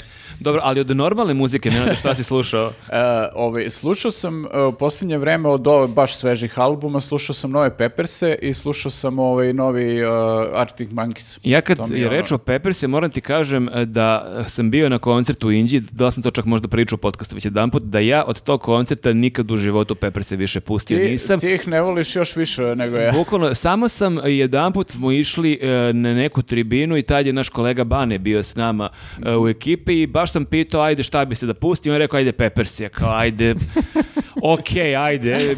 Tako da sam, e, bio sam samo neko ko je sproveo delo to što je neko drugi želeo, ali to je bio jedini put da sam pustio Ali Perasija. vidiš i naš kolega Darko Crnogorac koji je išao koncert Peppersa u Zagreb, ako se ne varam, da. je isto nešto bio razočaran zbog nečega. On je bio na tri koncerta njihova do sada i svaki put je bio razočaran. Nije, on je u Indiji bio, ja mislim, e, jedini čovjek ko, kome je bilo okay u Indiji. Da, da. Ali zašto se napio mnogo? Možda, eventualno to, ali sad skoro je baš napisao posle tog koncerta posljednjeg, napisao Da, išao je Budimpe, bio je u Zagrebu, pre par godina de, bio u Budimpešti de, nedavno. E, kao, baš mu se ne da da ide na njihov koncert koji bude okay na kraju, tako da ovaj... Hoćemo onda da se skoncentrišemo na Arctic Monkeys. Pa ne, čekaj, nije ništa ne, rekao o novim Peppersima. Da, možemo, kažemo, evo, ovaj, mislim, i ja isto kao sam im zamerio dosta taj koncert u Indiji, ali nekako ovaj, više, mislim, nije ni, ni informativno. Volim da ih preslušam, nisam kao neki ultra sad hardcore fan Fe Peppersa, ali volim da čujem šta rade. I ovaj, ovaj njihov eh, zapravo drugi album ove godine, oni su imali album eh, ne znam nija, početkom prve polovine godine koji se zvao ovaj, eh, Unlimited Love i to je... Uh, na, mislim, oni su sad izbacili drugi deo tog albuma, zapravo su to pesme koje su ostale uh, sa snimanja. A to su znači loše o... pesme koje nisu ušle u prvi album. Pa, znaš šta, čak nisu ni loše, nego ovaj, uh, oni su, kad je, uh, pre ovog albuma im se vratio gitarista ovaj Frušante -hmm. i oni su ušli u studio sa Rikom Rabinom, ono koji je super producent i baš je dosta nekih bitnih albuma isproducirao i snimili su ono 50 pesama. I njihova ideja koju sam, kojom su došli u izdavačku kuću je da kao izbace, ne znam, eh, sedmostruki album ovaj, ili box set uh, sa, ne znam, na svakom da bude ne znam koliko pesama. I ovaj, Međutim, ovi iz izdavačke kuće su bili u fazonu, ne dolazi u obzir, kao to neće vi ste se... normalni. Niste, niste vi baš toliko dobri. E, pa kao, ja razumijem njihovu logiku, jer kao to je box set koji bi morao da bude skup. Mm -hmm. I mhm. to će teško da se prodaje. I kao, oni su rekli, možete da dobijete ono, kao, ne znam, ovaj, dva albuma po 15 pesama, lupam sad. Oni su ko Vikler i Žek su ušli u studio i izašli s 50 I, pesama i, i da. čude da. se što niko neće da ih objavi. Pa okej. Okay. da, ali zapravo ovaj album sad koji su izbacili, koji se zove e, Return of the Dream Canteen. Oni su tu malo išli ono kao u neki retro fazon i, i omot albuma je skroz tako mm. neke 60. 70. te i kao imaju dosta referenci na neke te stvari iz prošlosti. Kao Gledali su Elvisa. Da. Ove, ovaj, I uh, album je u suštini onako prilično dobar, samo što meni smeta trajanje, meni redko smeta, smeta kada album traje dugo, zato što kao kad slušaš metal, to je često nešto što se podrazumeva. To je prosto jedna pesma koja tako traje, traje, a, pa da, traje da, mislim, i ti možeš, uživaš. Na primjer, ne možeš da slušaš Tool, a da nemaš srpljenja za album od 80 minuta, ono, to je mm -hmm. ovaj, prosto uobičajeno, ali imam problem uh, kad uh, imaš album rock benda koji toliko traje, I sad, koliko goda da su te pesme dobre, Uh, previše ih ima. Znači, mm -hmm. meni je ono tu na tom albumu ono uh, 12 pesama neki plafon, a oni su recimo, samo da vidim koliko su tačno imali pesama, uh, 17 pesama imaju i to traje 75 ali minuta. Ali ti ne moraš da slušaš album u cugu, ti možda ga podeliš. Naravno, ti si jedan od old school ljudi koji sluša ceo album. Pa ja volim da pustim kad slušam pa recimo... Pa da tako slušaš album, majko mu. Prvo pustiš da ti tako teče u nedogled sto puta i da preslušaš ceo album. Ljudi imate mnogo slobodnog vremena, pa onda... dakle mi vremena ga puštamo u nedogled. A ne sedim ja na stolici singuri, ovako da. gledam u plafon i slušam muziku, nego ja usput nešto malo tu i radim i onda baš ono što ti se e, u, u, uđe kao u glavu od nekih pesama posle poslušaš 150 puta, a ovaj, ako poslušaš samo nekoliko. Da, uglavnom, uh, imaju dosta dobrog funka na albumu, sviđa mi se što su se malo baš vratili u taj ono funk fazon, malo su to bili zapustili. Uh, e, Frušante je jako dobar ono na gitari i sviđa mi se što ovaj, prosto imaju tu neku ono vratili su taj neki vibe koji, koji su imali ono 80-ih, oseti se to onako ovaj, mm. u pesmama. Jedino što često imaju, a to im je boljka ono, u celom tom novijem periodu karijere, što kao imaš uh, ultra dobru ovaj, uh, strofu, i ono kao te rifove i sve super aranžirano i onda kad treba da dođe refren, kad ti očekuješ da će da grune ono, da, mm. da, da bude još jača tenzija da te dignu, onda bude neki antiklimaks, znači uh, refren ti bude slabije od strofe, mm. ono, i po muzici, i po svemu, ono, po, po, po, atmosferi, tako da to mi jedino onako u nekim pesmama malo smetalo, ali kapiram, to je njih, mislim, u toj su fazi, matori su, ne mogu sada, da, ono, rokaju kao što su baš 80-ih, mm. ono. E, ali imaš taj trip, kao što si primetio za, za, za refrene, da, da se slična stvar dešava sa novim mankizima. Jer e, meni nekako se čini kao neka samo dugačka naracija koja e, tako ide uz neku super muziku, ali tu nema tih prepoznatljivih nekako e, neke, nešto da ćeš se zakačiš da budeš fuzon, u jebote, ovo će bude baš hit. Da, oni, ali nema, nema, da, nema hitova da. na ovom albumu e, da, uopšte. Da, Marko ja smo baš sinoć pričali o tom albumu ovaj, kad smo se vraćali sa tribine, to nam je konstatacija. Nemaš na ovom albumu kao ono hitčinu neku koja da, se izdvaja. Da, pričamo o Arctic Monkeys. Nego, mm. baš mi je za slušanje ono u, u, u cugu. Jeste, ja sam i slušala uh, uh, pre pre, kad, kad su izašli pre neki, ne, pre koliko, ne, par, ne, par nedelja i uh, jutro dok, sam, dok smo se pripremali za podcast.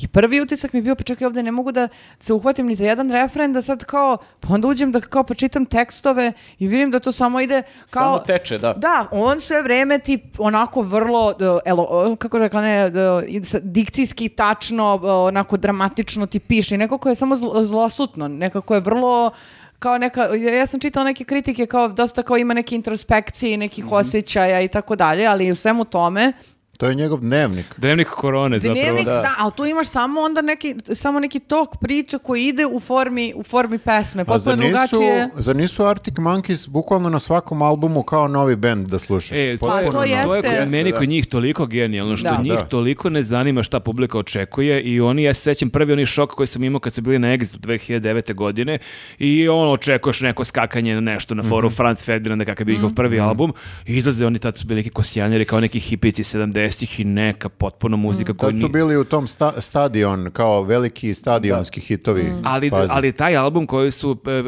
e svirali na Exitu je bio baš drugačiji, on je baš bio mnogo onako mirniji i ja na to nisam bio spreman i ja sam bio fazonu, pa bio sam onako razočaran. Mm -hmm. da. Tek sam godinama kasnije shvatio koliko je taj album genijalan i koliko ja nisam bio u tom trenutku da, da. spreman da, i koliko je, da. svaki njihov album drugačiji, ali sam shvatio ovi e, poslednje dva albuma da mi treba 5-6 slušanja da ih prihvatim. Mm. -hmm. i prošli i ovi su mi na prvo slušanje dobro, ništa posebno. A, meni, Drug... meni je prošli baš bio na prvo slušanje Stvarno. kao, pa da, svaka mi je bila hit. Jeste, A meni da. baš ne, ja sam slušala i bila sam, ok, ali sviđa mi se, ali nisam sad ganata. Ali na peto, šesto slušanje baš onako remek deli i meni je ekstremno krivo, to tebe baš zavidim što oni su ovog leta bili i u Budimpešti i u Puli, ti mm. si ih gledala u Puli i stvarno ja ne znam što nisam otišao. Ja, ja sam stvarno uh, bila uh, nebeski srećna što sam imala tu uh, tu čast i zadovoljstvo u životu da stajam pogledam dva dana tih koncerta. Prvo su bili Arctic Monkeys, onda Tame Impala.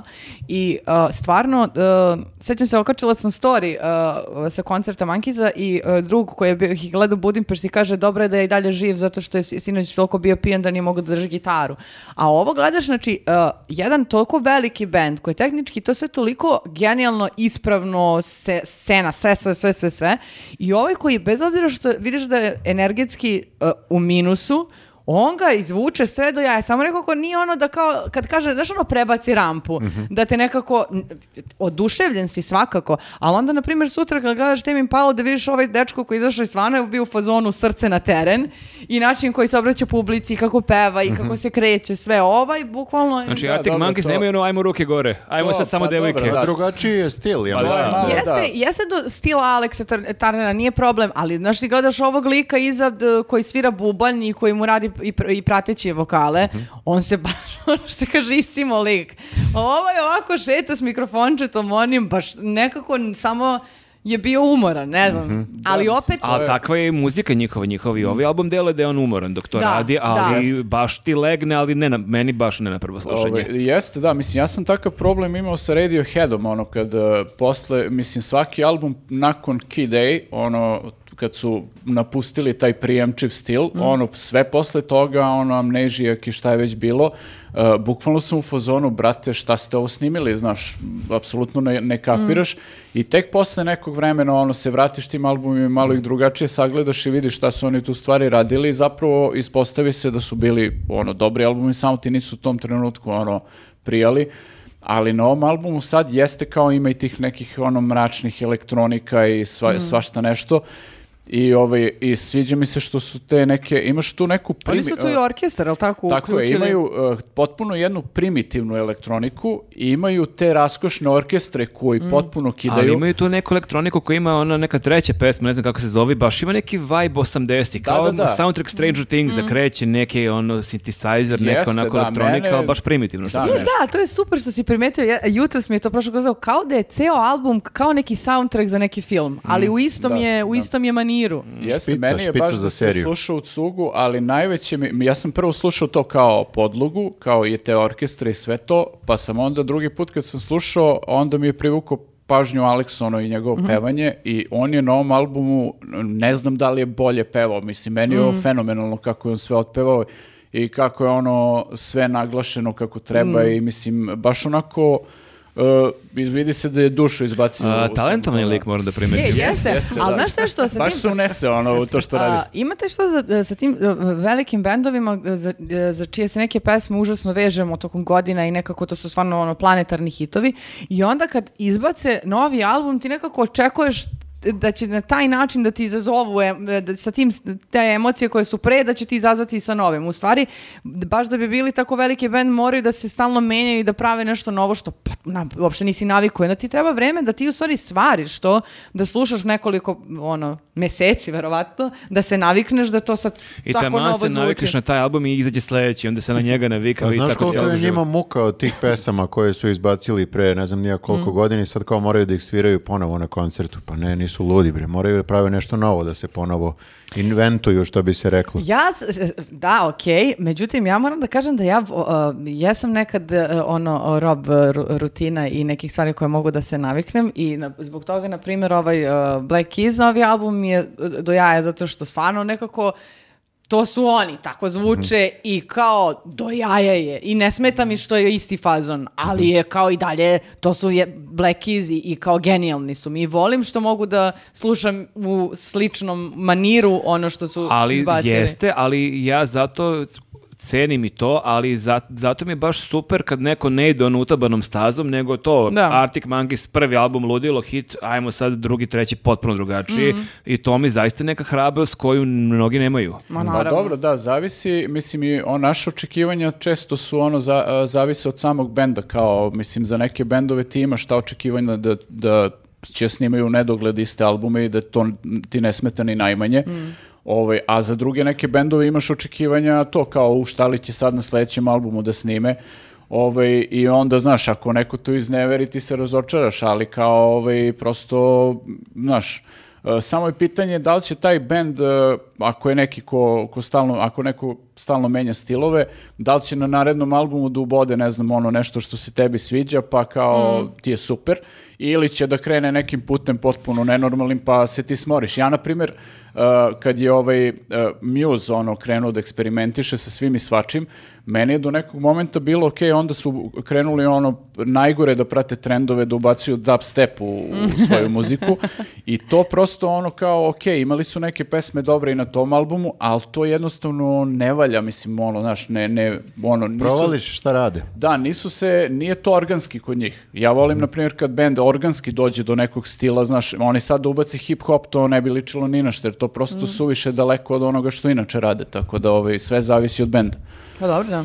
A, uh, znači, koja je presuda? Presuda je za Slušajte više puta. Za pep, ne, za Arctic Monkeys sam skapirao da je... Za Peppersi je, iskreno kažem da je Za da Peppersi presuda koji Peppersi? Šta su Peppersi? Možda hmm. ovako ova linija ovde ne, a vi da. A ne, nisam, ja nisam siguran. On se nije izjasnio. Nisam se izjasnio za Pepperse zato što sam čuo samo nekoliko, nisam čuo ceo album. Čuo sam nekoliko pesama i zvuči mi okej. Okay. Zvuči ali, kao Peppersi. Da. Ali moram da kažem i meni je taj koncert bacio nekako senku na, na Pepperse. Nikad se nisam vratio u, u tolikom u, u, tolikoj meri na Pepperse kao pre. Baš su mi onako kao, bukvalno kao da su mi uradili nešto. U smislu... A to je, mislim da. Ali A možda pritom... zato što, izviš Peki, e, ja se sećam samo da e, kad su se vraćali iz tog koncentra krenula je ona kiša nenormalna. Sve je se I lepo ta, poklopilo. ta razočaranost, da. Koli, e, um, reka, da. samo ide reke razočaranih ljudi. Pokisli ih i razočarani. Da, nekako te to toliko ozrači da pogotovo, godinama te pokvari. Pogotovo što su svi imali strašno očekivanje, ti celog života čekaš takav bend da dođe da, da. u tvoju zemlju, konačno dolaze, to nije da je to neka svirka nekog beogradskog benda pa pa bit za dva mjeseca da, da. opet. Da. Nego to kao znaš da je tada i nikad da više. Plus moraš da putuješ, da se voziš. Jeste. Kao doživljaj ceo, voziš se, Jeste, strava, da, sve super. Ono, avantura Pritom je u izmešano, mislim, ono neka njiva bre, vo, ni... Da, da, moraš da se voziš do njive. Pa mislim, Nije kao tu na Novom pa Beogradu. Pa kolaps na parkingu, nisi mogao da se isparkiraš sat vremena, na da. rasule da. bilo potpuno. Mm, mm. Sve je to nekako bacilo, yes, ne, ne samo bacilo senku, nego bukvalno ti utiče na percepciju benda od to, mm. to je mhm. davno bilo, to je bilo 2007. Lupiću. Ja želim da verujem da nisam zlopamtila, ali da, prošli tipa 15 godina i da. nisam pustio Peppersa da, tada. Pa da, da, dobro, ajde, ja sam pustio kao, ok, kad ide pesma ne promenim i tako to, mhm. ali sve, naš uvek me asocira na taj glupi koncert.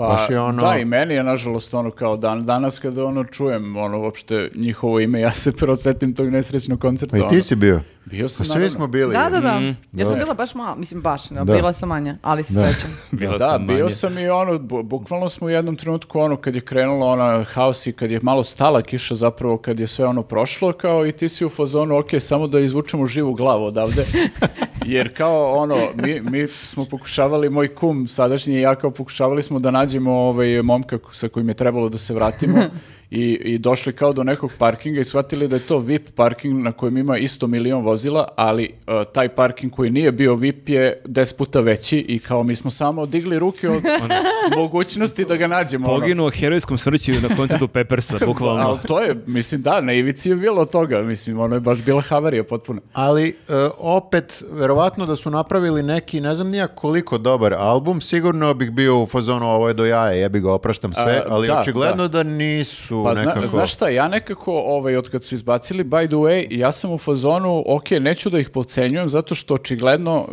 mi smo mislili, znaš, ono, da su oni već tad izbacili najbolje albume koji su imali, ono, ono što su imali najbolje, snimili su do 2002. Međutim, oni su posle toga izbacili 2002. By the Way, koji ono kao im je sad verovatno najpopularniji, mm. najslušaniji album. Mm. I ovaj, tako da sam u fazonu, ok, možda se desi da do, ono opet u ubodu neku treću mladu mladost pa izbace neki ono ponov album koji će da bude najbolji u karijeri, ne znam. Ali ovaj, eh, da, mislim, to malo taj koncert na kraju ono uprljao ceo utisak o njima. Da, a tako da- pritom, da... Bukvalno ovaj... uprljao sam bio od blata svi. da. da, tako da Pepper se slušajte na sobstvenu odgovornost ako nemate baš e, loših sećanja na koncert, da, a e, ovaj... Arctic Monkeys e, samo više puta. Čekaj. Ali samo moram da Aha, kažem još nešto. Ovaj, a, još nešto što mi je pojačalo taj utisak da su malo onako džiberi kao ljudi. Ovaj... wow, čekaj, ovo... ovo je sad pa, lično. Da, pa da. da ne, da. znaš, znate onu priču kao da su čuli za nevreme i pobegli, ono, znaš, zbog toga i sve to što nije kao baš cool da ostaviš tolku masu ljudi ono tu na toj ledini. Ali u tom helikopteru nije bilo mesti za nas, ne? Nije bilo, nažalost, ali mogli su bak nešto nama da dojave da odemo pre odatle. Ne, nije cool zato što je to, naš, kao rock, bunt, Ja sam pan, čula da je to bilo dogovoreno u startu da bude toliki, toliko ja trajanje koncerta. Ne, tre, trebalo da sviraš dve, tri pesme i onda Jeste, su da. čuli da se sprema provala oblaka i, onda su skratili, da, da. da. E, ovaj, uglavnom, hteo sam da kažem, e, sad Legenda, skoro, bukvalno. E, sad skoro sam odgledao, ima to možemo u jednoj epizodi pričamo i o tim dokumentarcima. Objavili su HBO prošle godine i Netflix ove godine su objavili dokumentarce o Woodstocku mm -hmm. 99. Mm -hmm. I sad oba su dobra, oba kao pogledaš imaš baš onako kompletnu sliku šta se tu dešavalo. Uglavnom u ovom Netflixom dokumentarcu kažu u jednom trenutku, pošto je to već ne znam koji treći dan tog festivala, kako već, već je ono havarija u toku i tek će da bude i, ovaj, i organizatori, organizator neko iz organizacije menadžmenta priča kako je pokušao da ovaj, e, sa Peppersima priča da smire masu, da urade nešto, jer je masa Limbiskit je pre toga svirao i masa je već u, u, u haosu potpunom i, ovaj, i uh, oni odlaze da pričaju sa njima i kažu Antoniju Kidisu kao morate malo kao da kažete publici nešto malo da ih smirite tamo ovamo, znaš, on je bio u fazonu, pa ne znam ja, mislim, oni nas le slušaju, nemamo mi sad uti, uticaj na, na ljude tako na koncertima i prva stvar koju urade posle toga, pošto je to bilo u pauzi pre bisa, prva stvar koju urade, izađu na bis i kreću da sviraju od Hendrixa obradu Fire. Mm. ljudi kreću da pale sve živo, ono, zato što je već, već je bilo paljevina na festivalu i kreću da pale sve živo što im došlo pod ruku i kao, mislim, ono, baš... Nemamo utice znači, na masu. Znači, mi smo dobro prošli u Indiji, to ćeš da, da, da kažeš. Da, da, ono, moglo je da bude i gore, Nama realno. je preventivno pala kiša da upali potencijalnu vatru. da, da, to. Moguće. Ove, ovaj, uglavnom, da, malo mi je to bilo onako čudno, jer ja sam njih nekako uvek percipirao kao neke dobre momke, ono, kao, okej okay, su, mislim, flije malo budala, ali kao ovi ostali Šta, su malo normalni. budala, zar on nije bre nešto hapšen kao za neku pedofiliju, nešto. Nije, ne nije, znam nije. Oni, su ski, oni su se skidali na sceni i nosili čarape na ovaj, uh, genitalijama. Na svojim basista, basista je bio problematičan. Ljudi, majke mi moje, pročitala sam. Dobro. Negde pročitala na sam na internetu. Da, da, da, pročitala da. sam negde na internetu, ali delovalo je kao da je to stvarno. Baš sam bila u fazonu. A, pa ne, ne znam za to. Nije uopšte gotivan lik. Mhm. Dobro. Moguće da je bilo nešto, proverit Onda nemojte proverit da slušate. Ma dobro, kakvi Peppersi, samo slušajte da- Arctic Monkeys. Jebeš da. Peppers. Da. da. Eh. E, e ja dajem jedan guilty pleasure, to moram da kažem. Da, znači, slušam sve ovo što ste pričali, da, ali ja sam slušao Taylor Swift ovih dana Dobro. i to sam potpuno, ali ja imam te neke momente, ja uh, imam te guilty pleasure na svaki par godina tako otkrijem po nekog, recimo meni je Lily Allen bila jako zanimljiva. Jesi to preko dece sad otkrio ne. ili? Da, da. Ne, ne, ja sam sam otkrio. Sam sam otkrio. Otkrio sam uh, zato što nisam je nikad slušao u životu, sam video vest da je objavila novi album pre par dana i da je to najslušaniji album u jednom danu u istoriji Spotify-a. I da. to me jako zainteresovalo. Kaj baš da vidim kakav je taj album. I pritom je pobila Mankize sa prvog mesta. Pobila je Mankize duplo nešto i Harry Stylesa I, da, da, da. i po prodaji i posle, znači bukvalno Uvijek je ona neka rekorderka. Da. Razvalila, ali ja pritom sad bez preterivanja ne znam nijednu njenu pesmu. Pa ne znam po nazivu, ja, moram da kažem, e, de, de, de, zvuče mi nekako sve onako baš... Njanjavo. Ne znam, njanja, nije njanjavo, nego na kalup nekako. A i... Ne Apsolutno, a mene je Marko, moram priznati, toliko šokirao kad je rekao Taylor Swift, zbog fuzonu, vo, a da, da zašto? Zato što uh, nisam očekivala, a paralelno s time se dešava da na mom Instagramu već danima žene neke koje, pritom stvarno cenim njihovo mišljenje kao ukuse, uh, kače Taylor Swift, ono šta je Taylor Swift, mislim, nikad je nisam slušao, nisam doživljavala sad kao neku ozbiljnu pe, pevačicu. I ona se izgleda reinventovala. Kad Jeste. ono, međutim, ja pročitam mm svašta nešto tu. Mm Ne, ne, jako zanimljivo, ali to je neki, bukvalno su to neki moji momenti, ja kažem, ja sam 2008. 9. jako recimo volao Lily Allen. A dobro, Lily Allen nekako ima nekog ali, duha. Pa jeste, je... ali to ja volim tako Aha, nekad, eh, dobro, ono, da dobro. da otkrim tako neki popić, što onako ne bih slušao mm -hmm. skoro nikad, i ovo sam slušao poslednjih par dana, paralelno sam slušao New York Arctic Monkeys to je mhm. jako zanimljiva kombinacija jer bukvalno su nebo i zemlja, ali i zanimljivo je što imaš niz kontroverzi, to je ono, e, meni bilo kad sam baš mm -hmm. juče čitao, ima sad ovi single, sad zaboravim sam. Antihero. Aj, bravo, Antihero, opet ti si, i ti si spremala. Yes. Ali zanimljivo mi je što je ta pesma najbolja na albumu, mm -hmm. ali je morala da cenzuriše spot, e, to jest da izbaci jednu scenu jer cela ta pesma govori o tome kako ona doživljava sebe i šta se mrzi u stvari kod sebe nekako. Ja, i otprilike mnoge vjerojatno devojke, pogotovo tinejdžerke mogu da se identifikuju, ima taj neki stih otprilike smem da gledam u sunce, ali ne smem da gledam sebe u gledalu, ali u spotu ima neka scena gde ona staje na vagu i na vagi piše fat. I mhm. kao to su... E, šejmovanje, da. E, baš body reka, shaming. body kao... shaming i da je to uh, fetofobija. Tu reč da, sam da. prvi put čuo ne znam kako bismo rekli na srpskom fetofobija, ali... Debelofobija. De, pa, debelofobija. Debelo strah? Da, ali pritom baš nije uopšte, nije da se ona sprda sa debelim ljudima, nego baš e, obrnuto baš pokušava da mm. da objasnim koliko ljudi imaju taj pritisak da moraju da budu mršavi, mm. da moraju da budu savršeni, ali eto, morala je da premontira spot zbog mm. toga, ali zanimljiv album, mislim onako s pola mozga da pustite negdje da, pozadini pop. prije. Pritom je zanimljivo što ima 20 pesama, to isto Aha, meni da, nevjerovatno. Ja da. sam mislio ti pop album ima pa, dobro, maksimum ja da 11 dosta, pesama. Da, dosta dugo mislim da nije objavila ništa. Pa mm. E, bukvalno nisam nikad nijedan album pustio i ovo me vjerojatno nećeš dugo držati, ali uh, mi je e, bilo zabavno malo. Meni je bilo, ja, da, e, meni je bilo zanimljivo uh, zato što je ona, uhvatila sam neki isečak gde ona priča nešto sedi tipa u kolima baš na temu uh, kao izgleda i onda sam se šokirala zašto su sad toliko pa osetljivi na, na to fet, jer je ona pričala o tome kao ceo život, kaže, a, zameraju ti ako si mnogo mršava, onda nemaš dupe. Ako treba da imaš dupe, onda ćeš prirodno morati da imaš i mhm. malo jače noge. Ako, a, mhm. onda naravno dobiješ malo i salo na stomaku, a onda kao nemaš mhm. sise, pa onda bi fali sise.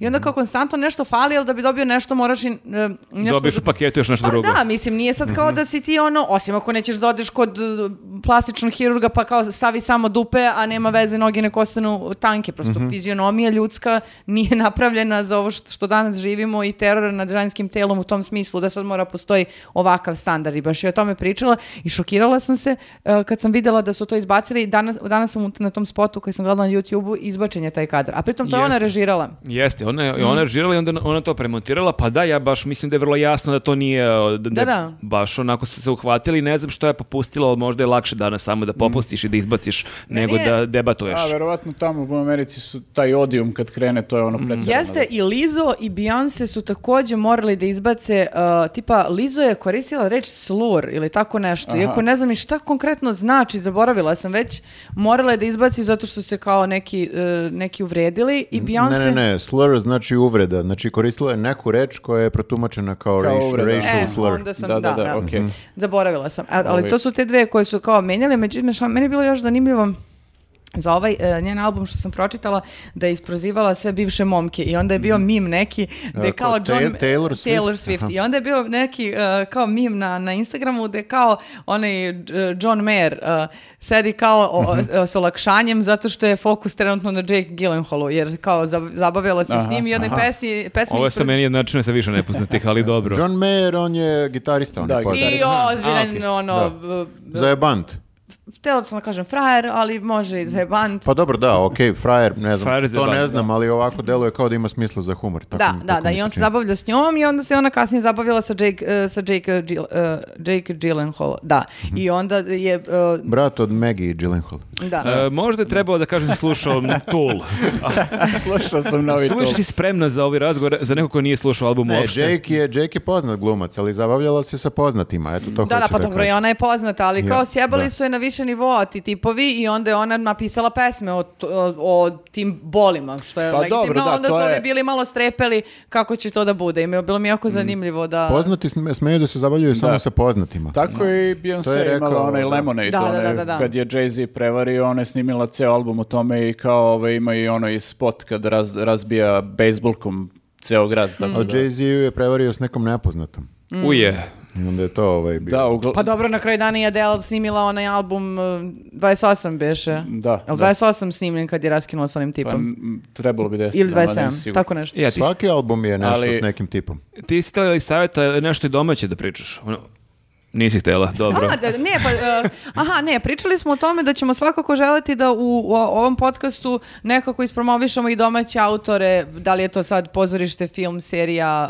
uh, Ja bih hvaleo kada muzika? da imamo neki efekat, šta god da pomenemo da to postane bestseller, znaš. Mhm. To bi bilo... Kao, ali uzeli ste knjigu koja je već bestseller. I, jesmo, ali e, Dejan Tiago možda i nije bestseller, posle ovoga možda postane. A misliš i da onda re reketiramo te koje proslavimo? A, vidiš, taj deo nisam razmišljao, pa, ali sviđa mi da se. to ćemo da razradimo. Dobro. Tako da, u svakom slučaju, to može da upali. Mislim, nismo, nismo ovaj, mnogo imali domaćih stvari. A znaš šta je problem? Danas. Što će onda da nas zatrpavaju, kao što nam stalno pišu neke bendovi za Kesića. E, Zatrpavajte nas, super. Pa pažem. i šta dobimo 30 knjiga domaćih autora? Pa ne moraš da pročitaš. Pa ako pa ne vidiš... moram, znači nemam obavezu, to ću da kažem. Znači, ne, znači, to ako nam šalju knjige, uh, linkove ka svojim nekim snimcima, ka YouTube-u. Ti imaš obavezu da pogledaš prvih par strana.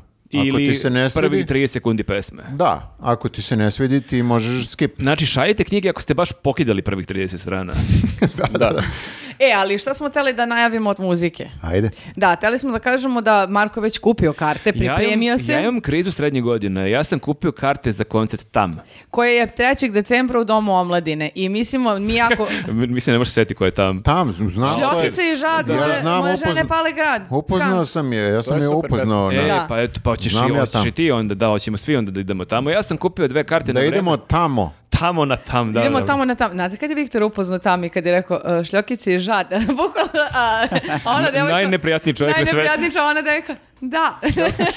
Jokić se žada. Ja sam shvatio da ću, ako Viktor ne ode, ja biti najstariji čovjek na koncertu, da ću deloviti kao pandur u civilu, ali nema veze. Ne, hoćemo da idemo na tam i stvarno preporučujemo i vama super, uh, super muziku ima, čekajte njen YouTube kanal. Ja znam tri pesme, ali deluju zabavno i deluju da će biti dobar, Čekaj, dobar izvini, koncert. O, uh, to je, ja mislim, uglavnom i veliki problem zašto nemamo nikog domaćeg sada, jer nismo našli neki album. Svi izbacuju singlove koji se da. nakon nekog vremena možda pretvore u album. Da. E, možda i ne. A, a mi smo maturi ljudi koji vole album. Pa, pa ne, dobro, Dobro bre, ljudi, da vas pitam ne, ali, nešto. Izvini, ili... čekaj, imamo Butch Cassidy, čak je Viktor Pločo doneo, evo, nji, oni imaju da. album. Yes. I spremaju novi Čak, čak dva albuma mislim da imaju. A spremaju novi, pa ne, možemo pričamo sad o novom albumu ne, ne, koji ne, nego kažem, i pa neko ima album, ali neko da. Neko ima, ali sad u ovom trenutku nismo našli neko da je izbacio album i kažemo ovo je album koji je do jaja, nego svi izbacuju pesmice, to me pa malo nervira. Pa jeftinije im je. Ka, ko ima para da se mi album, znaš koliko to košta? Pa ne znam koliko košta, ali i se ja malo, majko. Mislim... A pa iscimaju se za pesmu, pa još jednu ne pesmu. Ne znam koji band, da li e, Artan Lili ili neko drugi je čak, možda, možda nisu oni, je rekao da neće više e, ni snimati albume.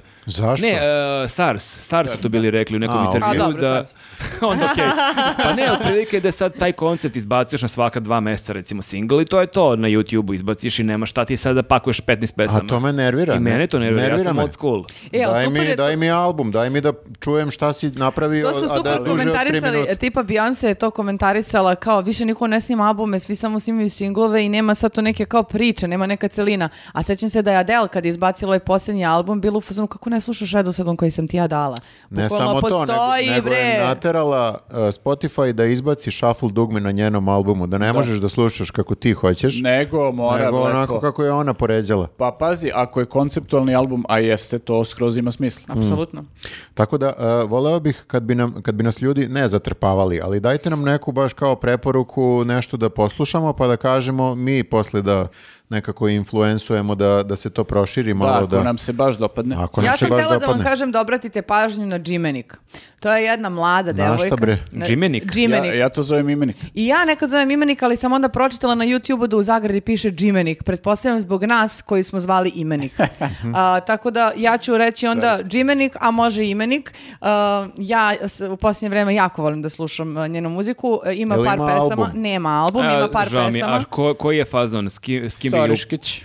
Pa onako... Uporedi je s nekom neuporadiva. Okay. E da, stvarno neuporadiva u tom smislu zato što Riba stvarno ima potpuno drugačiji stil od e, ne, drugih nekih autorki na, na mhm. sceni i meni se, ja sam su, čula to pre nekoliko meseci i uopšte mi nije se primilo. Međutim, dok smo bile na moru, e, te ja smo se navukla na, re, na pesmu koja zove Veri mi na reč. Mhm. I onda smo to stvarno na repeat slušali jako često. I znači, kao Arctic Monkeys treba da prođe nekoliko slušanja. Pa meni da se slegne, da, ali šta ćeš, možda nekom drugom se zalepi odmah, tako da eto. Evo, ja sam naleteo na jedan album, kad sam tako malo tražio, gledao šta ima, nije baš nov, ima par godina, ali zanimljiv je jako. Malo je vuče na neki world music, ali ne previše, ja ne volim world music, pa mi to kao, mm -hmm. ovaj, bilo bi mi odbojno. O, uh, e, band se zove Nemanja. -hmm. E, super su, da, da, da, da hrvatski, da, da, da. hrvatski band koji se zove Nemanja. Hrvatski band koji se zove Nemanja, znači Nije, nije Stefan Nemanja, nego samo Nemanja. I ja ne znam uopšte, ne, ne znam ništa o tom bendu, ne znam ni koliko ih ima, ne znam ni da li je možda ima samo... Ima ih dosta, bre. Ali vuku na neki etno, na neki funk 70-ih i na neku muziku iz kaubojskih filmova. I neke primese, neke Indije. Ne jeste, znam, jeste, ne znam fenomenalni, fenomenalni. I oni imaju album, što je... I super zvuče uživo, gledali da. smo ih na Arsenal Festu i stvarno ovako, krene jedna pesma, ti će aha, okej, okay, skapirao sam, krene drugo i wow, ovo je potpuno drugačije, stvarno samo te da. voze, voze, voze i dalje. Ne, ne, ima neka pesma, ja ne znam kako se zove, koja zvuči kao da je 70. godina neki najbolji funk, onako, baš e, neki zove se, ritam. Zove se, ja mislim da mislimo na istu, zove se Juju Dance, znači Moguće. pogledajte, to je, ovaj, tako da to je album iz 2020. Zaboravio sam kako se zove. Mm. Ali... Iz karantina, možda, introspekcije. Da. Možda je neki dnevno. Kako će sada me znači sve vreme za introspekciju, jebote. Karantinske ovaj. introspekcije. Pozovi policiju. Da. Zovi Mariju.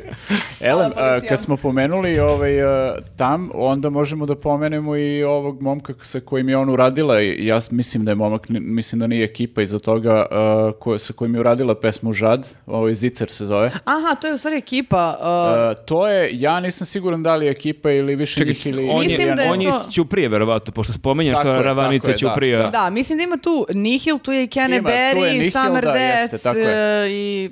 Uh, Neko se spremao. Da, ovaj... A samo znam, nisam se spremala. Da, bravo, ima, ljudi, ima jako dobru pesmu u Zicari sa Nihilom i još neke mm -hmm. te kolaboracije su radili, ali uglavnom e, treba obratiti pažnju na njega i ove druge pesme koje sam slušao mimo tam, stvarno je sve ono... Kobre, mator, kobre, ne Tako prati, da, vidi. To je, neka, to je neka nova scena koja nije, nije loša u smislu da ne voze se previše na ovom nekom etno, etno ne. momentu, što u nekom trenutku počne da nervira kada ubacuju previše strade, previše melosa. Mm -hmm. Znači ima, ima i tih i to je isto neka etno, etno neka nova scena, ali ovi ka, kao da su se malo nekako izdvojili. Jesu, tu je da, Ivo Lorenz, na primjer. Jeste, da. ide malo više na taj neki ono e. urbani izvuk. Tako da mhm. ima nade, ima nade. I Zoe je u toj ekipi isto čini yes. se. Zoe, da, da, tako da. Jeste. Da. Ono isto super. Ima nade ovaj, e, i voleli bismo tako neke, ali voleli bismo kad bi imali albume.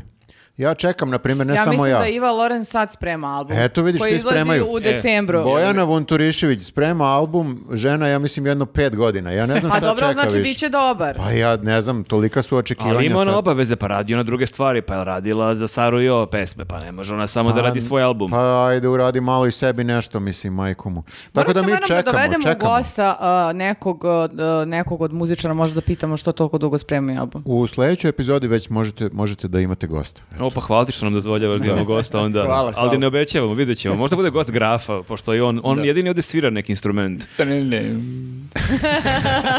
I to je to. Jesmo došli do kraja ili imamo nešto da kažemo? da je to to za da, ovu Htjeli smo da pričamo nešto i o pozorištu, ali smo shvatili da ovo predugo traje i da ćemo onda pomerimo za sledeći podcast, da. ali bit će priče morat ćemo do, o dve predstave da pričamo, pričat da bismo ćemo, se skupili. Da, pričat ćemo o dve predstave, malo sam nas nekako i odužila priča, vidjet ćemo i gde smo grešili da bismo mogli da budemo i sažeti, pa onda... I bolji, kaže se bolji. bolji, bolji, mm -hmm. bolji. Da. da, da, da, znači ne postoje ono problemi, postoje samo izazov. Znači, svima nam je, e, kako, kome, kako, koja, koja knjiga svima nam je prvi put? Kako? E, molim? Svima nam je prvi put, je li tako nešto? Je li ima ta knjiga nešto? Ne, Ima nešto. Sama si u ovome. Možda sam izmislila. U svakom slučaju, nama je stvarno sad ovo prvi put da o, o, ovaj podcast ova, ovako radimo. I... No šta se izvinjavaš, bre? Ajde, ko je, ko je došao do ovde njemu je ovo okej? Okay. Znači, kome nije okej, okay, on ne sluša ovo naše izvinjenje. Pa Da, bre, sve je da. okej. Okay. Sve cool. Sve pa dobro, vi znate, a mala briga. Mala briga, okej. Okay. Brige, pa prosto moram da malo da se, se kirucnam i onda će do dobro. sledećeg meseca budem skroz okej. Vi, ako nešto nije bilo u redu, nemojte to da kažete, da se ne bi sekirala. mm. Samo nam kažete da smo bili mnogo dobri. Eto. Da. I, I eto, recite nam uh, i vi neke predloge, šta slušate, Ma da, gledate, da, čitate. Da, dajte neke sugestije. Da, čak i ne moramo to da komentarišemo, čisto da ljudi u komentarima preporučuju neke dobre stvari. To mm. bi Mi bilo... u stvari želimo da stvorimo neki community, da to bude razmena. Community je već stvoren. Da, da. Ali malo jači sad. A sad, sad počinje kao community da komunicira međusobno. Tako da to da. je sve, ide, ide sve to je, to je treba. slogan ovog podcasta, malo jači community. Jeste, znači i u ovom podkastu se vidimo za mjesec dana u poslednjem ponedeljku u novembru. Pa da. tako, tako da. da A da, u da. našem regularnom podkastu se vidimo sad u sredu podne. Ćao. Vidimo se ljudi. Vidimo se, ćao. čao.